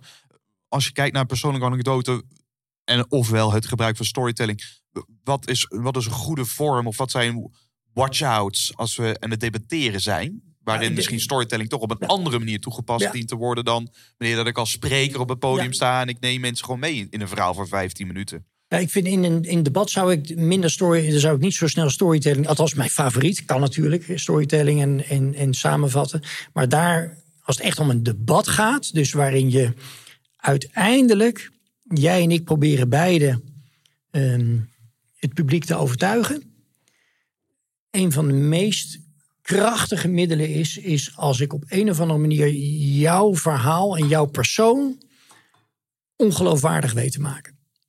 Dus dat ik op een of andere manier. Er zit toch al dat spelelement al, Ja. al, heel, al heel erg in. En dat is eh, treurig, maar als mijn doel is, ik wil overtuigen, ehm, dan is dat nu eenmaal de meest effectieve manier. Ja. Daarom gaan verkiezingen, ja, kom dan toch even terug bij die politiek, uiteindelijk bijna altijd over de personen. Hmm. En niet zozeer over de inhoud. Ehm, en wat ik dan de allermooiste techniek vind, eh, die fair is, maar ongelooflijk krachtig, is de korte vraag. Oké. Dus een hele scherpe, korte vraag, waardoor iemand volledig van slag is. Waarbij iemand een beetje on spot zet. Eh, en, en waar iemand eigenlijk niet. Kun je een voorbeeldje geven? Misschien? Ja, dat moet ik. ehm eerste voorbeeld wat mij, eh, bij mij te binnen schiet, is, is ook weer Geert Wilders voorbeeld. Oh jee. Maar dan eh, in de, in de, in de verliezersrol. En Kees van der Staaien. Eh, Geert Wilders was, nou ik ben de details vergeten. Overigens, Kees van de Staaij. Als het gaat over de beten. Terwijl, eh, Wat vind jij van hem als spreker? Even, Sorry voor de, voor de zijsprong. Ehm, maar Nee, ik vind, nou, de, ik vind hem soms. Het is leuk omdat hij anders is dan de rest. ja. Zit vaak retorisch ook wel leuk in elkaar. Ehm, maar ik vind hem het liefst inhoudelijk. Zie ik hem liever. Dat zijn vaak de momenten die niet worden uitgezonden.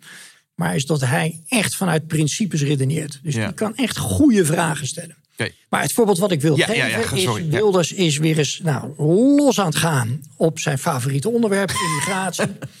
Ehm, en zegt ergens, terwijl die, nou ja, je weet hoe die. Er hebben al vier mensen bij de microfoon gestaan die allemaal boos op hem worden. En dat, dat zet hem alleen maar aan tot steeds verstrekkender, harder brullen, noem maar op. En ergens heeft hij het in zijn verhaal eens over de christelijke waarden. Ja, de christelijke waarden, ja, dat zit in een bijzinnetje van zijn betoog. Kees van der Staaij loopt naar de microfoon. De, mevrouw de voorzitter, eh, de heer Wilders heeft over de christelijke waarden. Zou, u, zou hij mij eens even een paar voorbeelden kunnen noemen van wat nou christelijke waarden zijn? En Wilders is volledig, volledig de weg kwijt. Ja? Dus die komt dan met een. Nou, christelijke waarde is. eh, nou, hij zei letterlijk iets van. eh, het eigen volk eerst. Of dat wij. Dat vind ik een christelijke waarde. Waardoor die hele Kamer. Ja, van zijn stoel valt van het lachen. Ja. Zelfs Wilders zelf ook door heeft. Ja, ik, Is dit is, ik ben nu echt eh, poep aan het praten. en Kees van der Staaij dat nog een keer even vriendelijk herhaalt. Ja, meneer u, u, uw hele betoog is christelijke waarden zijn zo belangrijk. Dus mijn vraag aan u is, noem een voorbeeld van christelijke waarden. Dat, waarom vind ik dat nou zo mooi? Omdat het inhoud, hij heeft, wat hij dus gedaan heeft van der Staaij, is daar waar de rest allemaal boos aan het worden was, van je mag het niet zeggen, noem maar op. Heeft Van der Staaij gewoon letterlijk geluisterd, wat zegt hij nou? ja. En stelt, en ik denk ook nog dat hij echt oprecht geïnteresseerd was. Ja. Oprecht geïnteresseerde korte vraag. Meneer Wilders, noemt u mij nou eens die christelijke waarden? En wat gebeurt er dan? Het is een terechte vraag. Het is een inhoudelijke vraag. Wilders heeft er geen antwoord op. Dus het hele betoog valt weg. Dan is in één keer heb je aangetoond. Ja, als, als die, hier al eigenlijk geen antwoord op weet, dan is het natuurlijk de, de luisteraar denkt dan, nou, wat heeft hij dan nog meer geroepen? Wat een soort van Ja. holle huls was, wellicht. Ja, dat, nou, dat gaat allemaal spelen. Dus Ja. ja. hij valt om. Hè. Je had laatst had je in, in de Tweede Kamer toen ehm, ehm, eh, iemand van Forum voor Democratie begon over tribunalen. Nou, het hele land viel daar overheen. En daar vallen allemaal goede redenen voor te geven. Mhm. Dat je dat niet moet zeggen. Maar waarom stapt er niet iemand naar de microfoon à la Kees van der Staaij? Die zegt van... ehm, eh, eh, hoe heet hij nou? Van, van, eh, van Heiningen? Of nou, ik kan even niet op zijn naam komen van Forum voor Democratie. Laten we zeggen, meneer X. Eh, meneer X, u bent voor tribunalen. Interessant concept. Wie gaan daar in die tribunalen zitten? Dus wie zijn nou volgens u degene die gaan beslissen of ik en wat mijn straf wordt? Want dat was wat hij letterlijk zei. Ja. Hij zei van, joh, er moeten tribunalen komen, nu zal bestraft worden. Iedereen valt daar overheen. Het is een schande dat hij dat zegt. Maar veel krachtiger is om de vraag te stellen, wie zit er in dat tribunaal? Vraag maar eens door. Ga maar eens even gaat? Het checken van, joh, eh, is dit nu maar Ja. gewoon een groepje, groep toeter u je me wat? Een, ehm, ehm, eh, nou, u komt met een nieuw concept. Ehm, roept allerlei vragen op. Maar het is in ieder geval een idee. Wie gaat er in uw tribunaal zitten? En dan geef ik op een briefje dat hij dan door het ijs zakt. Want die, Ja. die, die, ja, ga dat maar eens uitleggen. Ja. Ja, dat gaan wij, eh, die rechters die, eh, die, eh, die gaan wij benoemen. Wie, maar wij, wie? Bent u dat dan? Is dat, doen we dat met z'n allen? Ja. doen we dat gewoon op de normale. Want ja, we hebben onze rechters nu ook benoemd. Dus ga inhoudelijk doorvragen. Ja.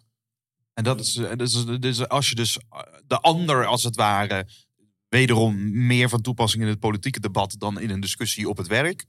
Eh, maar eh, als je dus die ander nou, even een, een tikje wilt uitdelen, dan werkt dat goed als dat aan de ene kant gebeurt vanuit nieuwsgierigheid. Hè? Die van de staai die dat die gewoon oprecht nieuwsgierig is. Zo, je noemt dit. Eh, en hij is zelf natuurlijk expert op dat front. Dus, dus als hij het als, Ja. als Wils begint over christelijke waarden, kan hij meteen aanduiden of dat wel of niet klopt. Ja, Eh, kent iedere punt en komma van de Bijbel uit zijn hoofd wellicht. dus ook dat nog een keer. Dus ja. ook dat- Ja, had ik nog niet eens benoemd, maar helemaal waar. Dus, en, en dat is misschien, hè, dus, eh, hij, hij- dat doet hij dus ook heel slim. Hij, hij, hij pakt iets waarin hij heer en meester is. ja. En, eh, en ik, ik had ook een keer op YouTube een tip van jou voorbij zien komen. dat soms politici dat omdraaien. Dat ze als het ware iemand van iets gaan betichten. waar ze eigenlijk. Eh, ja, wat, wat, wat, pak iemand nooit op zijn sterke punten. Ja. Zo heb je dat volgens mij benoemd. eh, waarbij je, jij een mooi voorbeeld noemde. van, eh, van volgens mij ehm, CDA, minister-president. soms met name, jongen. Balkenende, Balkenende, ja. ja. Ja, toen de Partij van de Arbeid, gaan we even voor de luisteraars, campagne 2006. Ja. Wouter Bos tegen Jan-Peter Balkenende. Ehm, en opeens ging Wouter Bos hem aanvallen op fatsoen. En nou, je kon van alles vinden van Jan-Peter Balkenende. het was ook niet zo'n goede spreker. En je kon, maar als er nou iets was Wat die man. Wa- wat die man nou ja, aan alle kanten uitstraalde, was normen en waarden, fatsoen en noem maar op. En daar had het CDA ook de campagne heel slim omheen gebouwd, want daar, iedere keer sprak hij daarover. Wouter Bos was een vele betere spreker. Maar wat doet hij? Die stapt in de val om nou juist op dat ene punt, waar je, waar je hem nou niet op moet aanvallen, om daarop aan te vallen. Ja, het conservatiever en eh vleesgeworden eh, boegbeeld van fatsoen was die man. En dat moet je dus niet doen. Je gaat Wilders op immigratie. Dus kies een ander, kies een ander perspectief. En het moet. En ik wil. dit Belangrijk vind ik om te benadrukken dat. Dat is aan de ene kant kan je zeggen een trucje. Maar belangrijker dan dat is dat ik vind dat dat inhoudelijk ook het sterkste is. Ehm, probeer, daarom ben ik ook heel erg voor ehm, ja, een redelijk vergaande vrijheid van meningsuiting. Omdat je ehm, in een vrije samenleving zoals, de, zoals waarin wij leven, waar, wat misschien ons grootste goed is, daar doe je nu eenmaal anderen vaak pijn met wat je zegt. Dat is onvermijdelijk. Ehm, en sommige dingen doen heel erg pijn, hè, gaan heel erg ver en worden bevolkingsgroepen scherp, nou ja, echt misschien eh, wat velen zullen vinden, onterecht weggezet.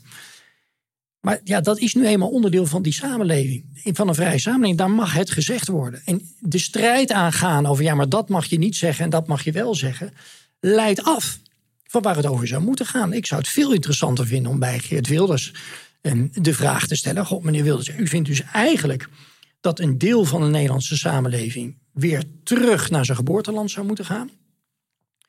Ehm, Tegelijkertijd zien wij dat we een vergrijzende samenleving hebben. En dat wij, u, bent, u maakt zich zorgen over de zorg. U vindt dat er meer mensen aan het bed moeten staan. U maakt zich zorgen over eh, van alles. We zien ook dat overal nu tekorten zijn. Wat is nou uw oplossing om ervoor te zorgen dat wij in de toekomst nog voldoende mensen hebben om al het werk te doen eh, wat er gedaan moet worden? Als u vindt dat een deel van de samenleving weg zou moeten gaan. en naar, naar huis zou moeten gaan. Dus wat, ik ben gewoon geïnteresseerd. Hoe gaat u dit vraagstuk nu aanvliegen? Ja. Dan denk, denk ik dat je en een inhoudelijk terechte vraag stelt. Ja. Maar B, je gaat hem over iets laten praten waar hij eigenlijk liever niet over praat. Ja. Want dat. eh, Dus zoek altijd naar de, naar, ehm, ja, de inhoudelijke zwakte in het verhaal. Wat afgaat van het morele oordeel. Ja. En, en hier komen we eigenlijk weer terug bij een devies wat je eerder zei. Dat, daarvan moeten we met z'n allen de kunst van het overtuigen eh, snappen. Want dan kunnen we het weer over die inhoud hebben. Ja, Want die inhoudelijke discussies, als jij dat mooi zegt, eh, dan, dan denk ik ook meteen, oh ja, dat gesprek zou ik wel interessant vinden. Dat je gewoon zegt, oké, even gewoon- laten we gewoon eens even luisteren en goed op ons in laten werken wat je precies zegt. En mag ik daar dan wat vragen over Ja. stellen? Ja. op het moment dat je, als je dat vraagt aan Wilders, hij gaat natuurlijk draaien, hij, komt, hij hij gaat dan retorisch gaat hij dan Ja. eh, weerklank geven. En dan zul je dus als ja, de beter weer heel scherp moeten zijn. Wanneer is het een drogreden die Ja. je nu loslaat? En wanneer is- eh, snijdt het inhoudelijk eh, zodanig dat u denkt, nou, nou, weet je wel, dit, dit, dit, dit, dit, helpt ons. Ja. Nu komen we verder. Nee, dus je kan, en dat, dat de neiging is iedere keer, ook omdat hij er zo hard in gaat en met veel emotie erin gaat, dat mensen dan dat gaan kopiëren en daar zo tegenin gaan. Ehm, terwijl die, nou, ik denk dat de meeste luisteraars dat ook wel mee hebben gekregen, dat hij een, een, eh, een paar weken geleden, we hebben een nieuwe minister van Veiligheid, ehm, eh, mevrouw Jezilgus, Turkse achtergrond. En Wilder stuurt dan een tweet. eh, nou, we hebben nu een Turkse minister van Veiligheid. Ehm, ik maak me zorgen of mijn eigen veiligheid nu wel gegarandeerd is, want ze willen mij het liefst onder het gras hebben. Mensen, en dat snap ik, vinden dat een, redelijk schofterige tweet. Ehm, en gaan daar dan ook met emotie op reageren. Hoe durf je dat te zeggen? Ook daar weer van denk, nou, ik zou gewoon eens heel rustig vragen. Meneer Wilders, u zegt, zij willen mij het liefst onder het gras hebben. Dat lees ik als, ze willen me dood hebben. Vindt u dat de VVD u dood wil hebben?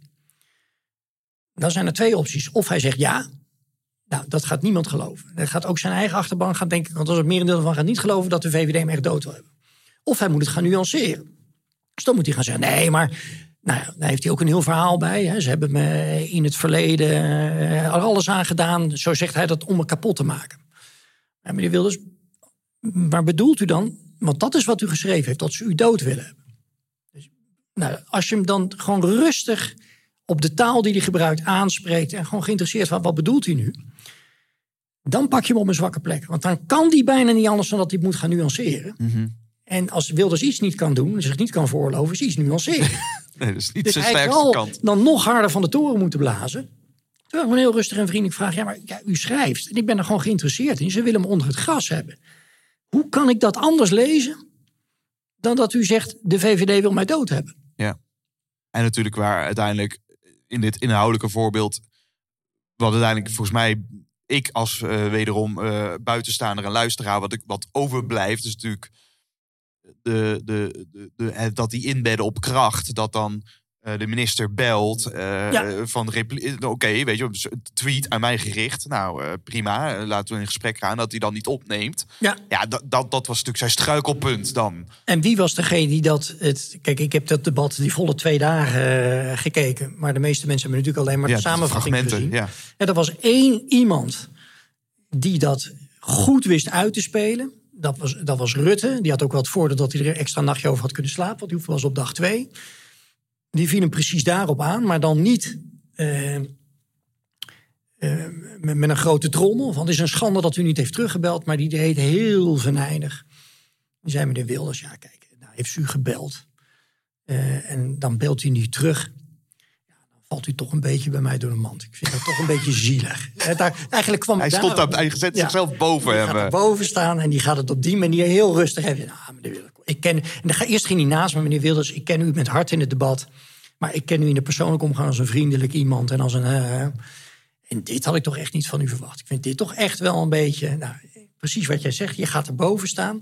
Je blijft rustig. In plaats van dat je tegen hem in gaat schreeuwen. Want dat verlies je altijd. Want Wilders schreeuwt harder. Ehm, en, en je benoemt precies datgene wat jij ook aanvoelt. En zegt van ja, dat is natuurlijk een beetje sneu dat je die telefoon niet opneemt. En daar, ja, daar moet je dan in gaan peuren. En dan niet op een boze manier, maar gewoon geïnteresseerd. Waarom heeft u nog niet even gebeld? Ja. Ik snap dat gewoon niet. Ja, ze belt u op. Het gaat over uw leven. U heeft net gezegd dat de partij u dood wil hebben. Nou, dan is degene waarvan u denkt, die belt u op om daarover te spreken. Ja, dan, dan, u, dan maakt u zo'n nummer van. Ja. Ik zou het dan toch wel opgenomen. Waarom heeft u dan niet opgenomen? Toch, ja. Ja, u kaart het aan, het onderwerp, niet ik. U bent erover begonnen. Dus En uiteindelijk was volgens mij zijn repliek dan weer van ja, ik heb nu ook een afspraak gemaakt. En eh, dat we, ze belde in de tijd dat ze nog geen minister was of zo. Ja, maar dat Eh, was heel, heel sneu. Want hij zei, ja, nee, maar ja, ik werd, ze was op die dag, was zij nog staatssecretaris van, eh, wat was het, Economische Zaken. Dus ja, ik ga niet de telefoon opnemen als de staatssecretaris van Economische Zaken. Ja, dat ging natuurlijk helemaal nergens. Nee. Ook als je de politiek helemaal niet volgt, voel je aan Dat dat nergens over als gaat. jij zegt, joh, Die persoon. ja, die, persoon niet. die wil mij dood hebben in die nieuwe functie. En ze belt je op. Dat je zegt, ja, maar je belt me nu nog uit de oude functie. Ja, nou, je het ook niet moeten zeggen. Nee, ja. Dus je moet de. ehm, en het, nou ja, wat ik graag wil, dat land. En ik noem Wilders voorbeelden, niet zozeer om. ehm, ehm, Zo waren we het eigenlijk het hele gesprek een beetje over de beste man gehad. ja, maar omdat het een sprekend voorbeeld is. Ja. Ja, ik kan ook voorbeelden van, van, van anderen noemen, maar die halen vaak het journaal niet. Wilders is toch iets wat, wat, wat aandacht trekt. ehm, en die retorisch heel sterk is. Ja. En waarvan ik vind, waar hij voor opkomt, daar mag hij wat mij betreft voor opkomen. Want de, de, de, men, ja, mensen stemmen op Geert Wilders. Ja. Dus hij heeft een relevant punt. Zo simpel is We het. kijken hem nu vanuit de vorm. En, eh, en, en Rutte noemde je zojuist al. Ben ik toch ook wel benieuwd als we wellicht tot slot Rutte bij de lurven pakken. Je hebt hem volgens mij ook beschreven in het eh, boek eh, Debatteren om te winnen. Eh, wa- wat, maakt, wat maakt Rutte nou zo'n ongelooflijk sterke debater? Nou, uiteindelijk iets wat, wat we aan het begin bespraken. Die is heel dicht bij zichzelf. Die, ja, what you see is what you get. Daar zit geen enkel toneelstukje in. Dus hij haalt aan de ene kant is hij ook retorisch sterk. Dus hij haalt ook wel allerlei trucjes uit. Maar wel op de manier hoe hij is. Dus hij, hij hoeft nooit een rol te spelen.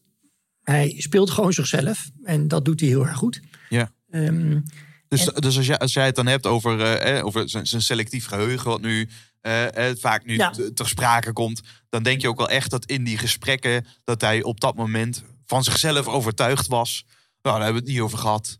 En dat nee, dan, dat denk ik niet. Nee, dat- nee, nee. Ik denk dat hij daar, eh, eh, wat laten we zeggen, de waarheid geweld heeft aangedaan. Ja, dus dat is eh, zeg maar een denkfout van zijn achterban of adviseurs. Van joh, ik zou nu gewoon de, de beetje de jokkenbrokkaart spelen en hopelijk kom je ermee weg. Ja. En dan, Nou, ik denk niet eens. Maar dat is wel heel voor de insiders. Dat, was, dit is gewoon echt een persoonlijke fout. Hij had die dag een hele drukke dag. Hij had een Europese top. eh, moest toen aan het eind, eh, terwijl hij op weg naar huis was, nog even voor Nieuwsuur daar een, een, een vraag over beantwoorden. Niet goed over nagedacht. En geeft gewoon ja, een dom antwoord. ja. Dus en het antwoord, we hebben het daar niet over gehad. Eh, terwijl dat niet geloofwaardig was. En B, wat nog erger was, was dat hij toen zei van... joh, we gaan daar ook niet meer over debatteren. Nee, dus nu... eh, ja, terwijl, dat was eigenlijk de grootste fout. Oké, Daar gaat, in zijn rol op dat moment ging hij daar niet over. ja. En dat, ehm, maar hij is wel ehm, ehm, en dicht bij zichzelf. En hij straalt aan alle kanten uit dat hij het gewoon oprecht leuk vindt, dit vak. Ja. Ik heb nu eindeloos veel debatten met Rutte gezien. En die staat daar zichtbaar te genieten. Ja. Die, die, die is niet kapot te krijgen qua enthousiasme en qua. En daar waar de hele Kamer op een gegeven moment toe is aan de lunch. En, Ja. en, en, en dan stelt de Kamervoorzitter voor om te gaan lunchen. En dan is Rutte degene die haast ja, teleurgesteld. maar- Ja, mevrouw de voorzitter, ik wil toch nog even dat blokje doen. En dat die hele zaal, denkt, alsjeblieft. En dat dwingt respect af. Ja. Ja, want als je dus al tien jaar, toch? Meer dan tien jaar gaat een record eh, eh, eh, maken eh, nu aankomend jaar. Eh langzittende minister-president ooit. Ehm, waar, waarvan je natuurlijk wederom inhoudelijk heel veel over kunt zeggen. We hebben het nu over de, over de vorm. Eh, er geen vrouw, geen kinderen. Die man is volgens mij is geleefd Ja, voor de rol die hij heeft. Dat is volgens mij al zijn hebben en houden. Eh, ja, dat, dat, ik kan me ook haast voorstellen als je, als je een haast soort oneerlijk spel dan daarin. Is het want, ook, ja. want die man heeft gewoon per definitie meer, pakt meer uren om zich voor te bereiden. Is per definitie beter ingelezen. Ja, hoeft ik geen poepluier dit- te ja. verschonen. En Weet je, het, zie dit niet als werk voor En- een deel. ja. Die vindt het gewoon. En iedereen in, in, in, in die entourage. Ja, nog steeds wordt daar iedere keer met een soort ja, bewondering. En soms ook eh, ja, op een toon van hoe is het in vredesnaam mogelijk dat hij. En, en dat was laatst nog weer zo'n voorbeeld. Dat hij, eh, hij moest eigenlijk naar Brussel, maar er was een kamerdebat. En ja, daardoor kon hij niet naar Brussel. Nou, dan heeft hij van ochtends tien tot 12, half twaalf daar gestaan. Of tot elf. Ehm, en dan zegt hij, joh, nou, weet je wat? We rijden toch nog maar even naartoe. En dan hup, naar Brussel. Daar nog even aanschuiven in, eh, bij het late diner of het nagesprek wat daar relevant is. Een paar uurtjes slapen, volgende ochtend, hup, weer terug. En, en, en in de tijd dat de rest heeft liggen slapen, ook te kort, een uur of vijf, zes. Is hij nog even op en neer naar Brussel geweest. Heeft daar nog even meegedacht over een ander vraagstuk. En dan staat hij er weer. Fris en fruitig. Ja, hoe dan? Denk ik dan. Ja. Ik heb daar van de ene kant bewondering voor. Enorme bewondering. En aan de andere kant, we, we, we, we bij veel organisaties gaat over vitaliteit. Over eh, de toenemende mate van burn-outs.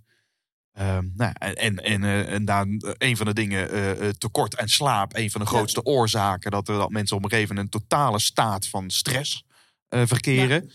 Ja. ja, als dan, als dan de leider van ons land eigenlijk zegt, nou kom maar met twee uurtjes toe. Nou, nee, maar hij zegt wel dat hij, dat hij wel gemiddeld zeven uur per nacht slaapt. Dus hij, af en toe is er een keer een nacht dat hij... Maar ja, dat is natuurlijk het voordeel. Geen vrouw en kinderen, Ja, niks. Ja, die komt thuis. Er staat geen pan in zijn keuken. Er staat niks in de koelkast. Eh, ja, die, die, Gaat die- gewoon liggen. Hij gaat liggen slapen. Staat op en dan gaat hij weer. Ehm, maar het, als, als, hè, dit gaat toch over, ehm, over goed spreken. En over... ehm, nou ja, de, de, het advies zoek het altijd dicht bij jezelf. Ik zou, als ik training geef altijd tegen mensen, joh, je, er zijn altijd dingen die je kan verbeteren, maar wat heel vaak om beter te leren spreken gebeurt, is dat mensen heel erg gaan focussen op de punten waar ze niet zo goed in zijn. Mhm. En daar moet je wat aandacht voor hebben, maar ga nou eerst eens even kijken waar je wel goed in bent. Want iedere spreker is ergens, dat is waar jij als spreker bent. Ja. Ehm, en je daarin verdiepen, dat is aan mensen vragen van joh. En de een is inhoudelijk heel sterk. Ehm, maar zeggen, maar ja, je bent inhoudelijk wel sterk, maar ja, je brengt het vaak wat, eh, wat ingewikkeld. Nou, neem dan als vertrekpunt dat je dus jouw gave is dat je inhoudelijk sterk bent. En behoud dat ook. Ga niet eindeloos opeens het, het, dan jezelf anders voordoen dan dat je bent. Dus neem dat als vertrekpunt. Ja. Ehm, en zeker nou, mensen die als manager of in een verantwoordelijke functie zitten. ehm, probeer dat wel te omarmen in eerste instantie. Waar ben ik nou wel goed in als ik spreek? En ga dat uitvergroten. Ja, ja. Nou, dat, dat, ik denk dat dit een hele mooie vraag is voor de luisteraar om als eh, onderzoek mee te nemen. eh, door dat aan andere mensen te vragen. Door dus te weten hoe. Uiteindelijk, als je, als je iets doet waar je op leeg loopt, dan ga je het gewoon niet volhouden op het moment dat er daar in het gesprek ook druk wordt toegevoegd. Dan breek je onder die druk. Eh, maar als je dus iets doet waar je snang bij voelt, waar je daadwerkelijk plezier bij hebt. Nou, toch wel een beetje de likability die we ook eh, eh, Mark Rutte als voorbeeld toebedichten. Nou, ook daarmee ja, glijdt natuurlijk een hoop van hem, van hem af. maar maakt hem daarin ook wel weer heel sterk. Eh, eh, en, en ik kan me zeker voor, voorstellen dat ik merk dat ook bij mezelf. Ik heb zoveel plezier in, in het werk wat ik doe. Eh, nou ja, dat, dat maakt gewoon dat, het, dat als je het gevoel hebt, dit is een feestje. Dan zit je toch iets anders in de wedstrijd. Ja, Dan wanneer je denkt, oh, ik hoop dat ik hem overleef. zeker waar. Nou, en dat geldt voor ons allebei. Dat geldt voor mij ook. Ik heb nou, dit vak eh, ingerold. En het blijft iedere dag leuk, interessant, fascinerend. Ja. Nieuwe inzichten. Nou, hoe groot is dat geschenk? Iets doen wat je leuk vindt. Je noemde letterlijk een soort uit de hand gelopen hobby. eh. Van mijn hobby mijn werk kunnen maken. Ja. Ja. Als mensen nou meer over jou willen weten of over het eh, Nederlands Debatinstituut, via welke weg komen ze daar terecht? Ja, het makkelijkste is natuurlijk via, via het internet. Ehm, je hebt de- website van het Nederlands Debatinstituut, gewoon debatinstituut.nl. Oké. Daar zie je wat over het bedrijf. En je hebt ook eh, sinds kort roderickvangrieken.nl. Ehm, is wel ook geleerd aan het bedrijf, maar dat legt wat meer de focus op eh, mijzelf. Ja, je werkt eh, al sinds jaar en dag als dagvoorzitter ook. Als debatleider. Dus ook daarvoor eh, kunnen ze jou bellen. En ik heb het boek Debatteren om te winnen van je mogen ontvangen. Een boek wat je volgens mij met een paar collega's hebt geschreven. Nou, en een ontzettend veelzijdig boek waar extreem veel praktische tips in staan ook. Dus als je nou echt nou, de, de, de praktische eh, handvatten over debatteren eh, tot je wilt nemen, kan ik dat boek van harte aanbevelen. Roderick, we gaan eh, langzaam naar de afronding. Maar niet voordat we de laatste onspotvragen hebben gesteld. Dat zijn vragen die ik iedere gast stel. Het eerste wat in je opkomt is altijd goed. Ben je er klaar voor? Ik ben er klaar voor. Right. Wat is een boek wat je het meest cadeau hebt gegeven... of wat jezelf wellicht het meest heeft geïnspireerd?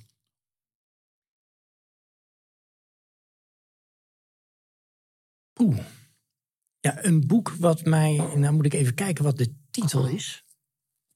Eh, van, volgens mij is het van Good to Great. Jim Collins? Volgens mij wel. Volgens mij is het dat boek waar het in ieder geval. Die heeft allemaal leiders onder. Nee, hij, heeft, hij had onderzoek gedaan. naar bedrijven die al meer dan twintig jaar of zo. succesvoller zijn dan alle concurrentenbedrijven. En daarbinnen gekeken naar wie is nou de leider van dat bedrijf. Ja. En dat de gemene delen was dat dat een redelijk onzichtbaar persoon was. Ja, klopt. En dat, vond ik, heel, dat vond ik heel mooi. Oké. Dat, dat, dat voor mij symboliseert dat je. eh, ja, een bedrijf draait nooit om één persoon. Eh, het, ja, het draait om de mensen die daar werken. Ja. En ik vond de manier hoe hij dat beschreef, vond ik heel erg mooi. Ja, het is een, eh, prachtig boek, een- Ja. een leiderschapsboek Ja. ehm, over level 5 leiderschap. Ik, ik moet de disclaimer, moet ik erbij zeggen dat een, een, een, paar business cases van bedrijven die die benoemt, die bestaan helaas eh, inmiddels niet meer. Maar dat is de tijdsgeest. Dan kan het Ik heb, toch, het, ik heb het ook lang geleden gelezen. Maar het eerste boek wat bij mij opkomt, waarvan Ja. ik, wat mij altijd is bijgebleven. en die raad ik nog steeds aan als mensen vragen: wat is een boek over leiderschap? Gewoon Ja. in, de, in de pure zin van het woord. Leiding geven aan anderen. Good to great. Mooie, mooie titel. Wat is een mythe over eh, debatteren waar we echt vanaf moeten? Dat debatteren alleen eh, relevant is in de politiek. En dat eh, eh, zeg maar, als je een ander vak hebt, dat debatteren geen enkele rol speelt. Dat is onwaar, beste luisteraars. Onwaar. De technieken die je gebruikt met debatteren, gebruik je. Welk vak je ook maar hebt, die technieken gebruik je. Mooi. Roderick, je mag een uithangbord plaatsen waar miljoenen mensen langskomen. Wat zou jij op dat uithangbord plaatsen?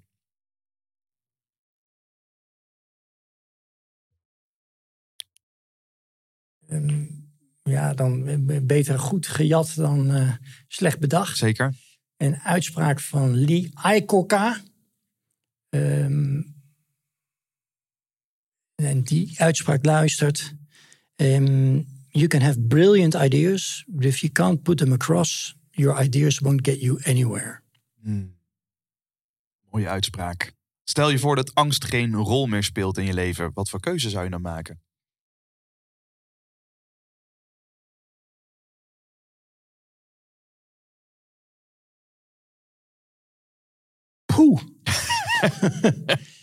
Ik Hier ben ik niet op voorbereid, Len. Als angst geen rol meer zou spelen in mijn leven, welke keuze zou ik dan maken?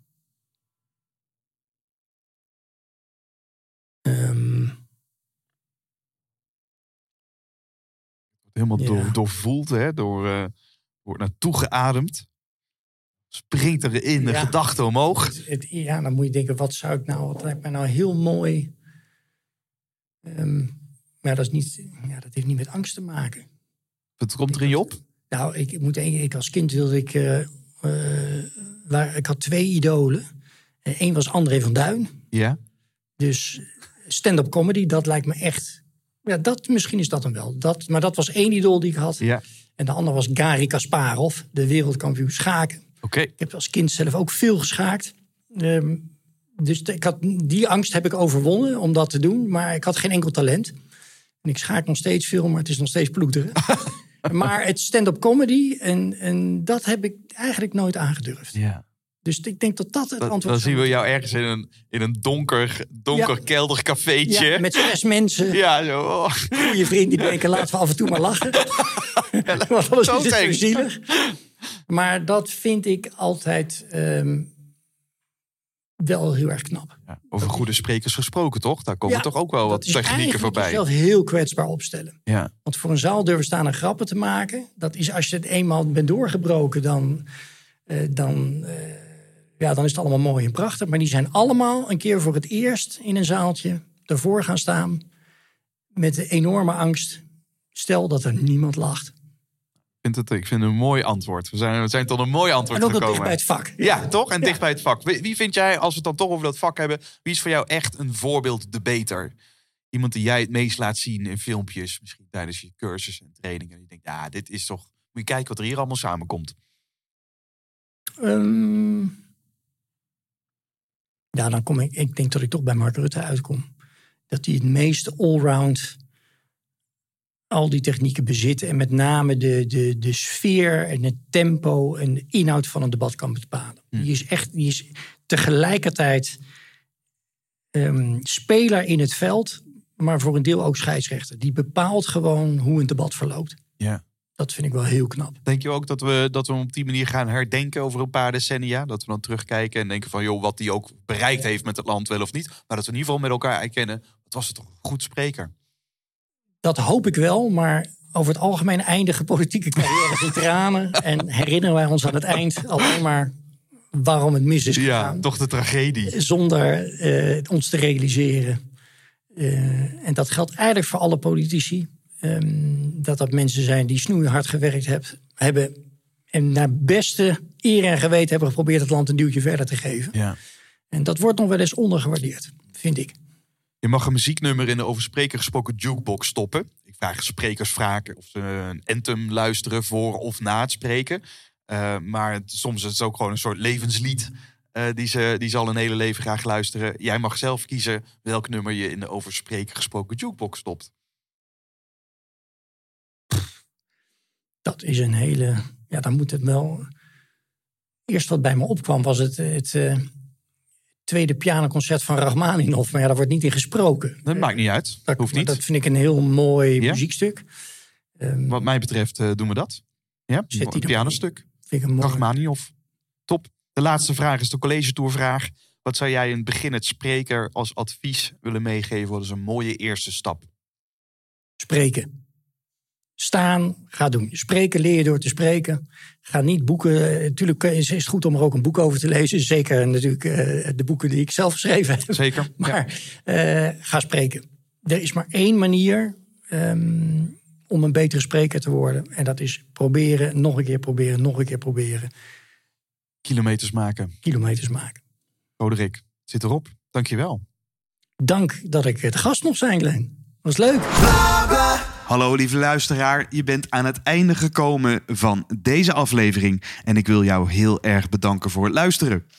Ook de gast van deze aflevering wil ik van harte bedanken voor alle waardevolle inzichten. En vond jij het nu ook een waardevolle aflevering? Laat me dat dan weten. Maak even een connectie aan via LinkedIn. En als je dat wilt, waardeer ik het enorm als je een review wilt achterlaten op je favoriete podcast-app. Dat helpt namelijk om de zichtbaarheid te vergroten, zodat we samen korte metten maken met plankenkoorts en leren spreken met meer impact. Wil je meer informatie over de podcast? Check dan mijn website www.glenvergozen.nl. En wil je zelf ook praten met resultaten? Dat kan. Ga dan naar www.desprekersregisseur.nl en meld je aan voor de gratis Online Sprekers Academy. Dit is een gratis online training met de negen beste lessen van twee jaar over spreken gesproken podcast. De missie van de Over Spreken gesproken podcast is om jou te helpen je stem te vinden, zodat jij anderen kunt inspireren datzelfde te doen. Ik wil je heel erg bedanken voor het luisteren en graag tot de volgende aflevering.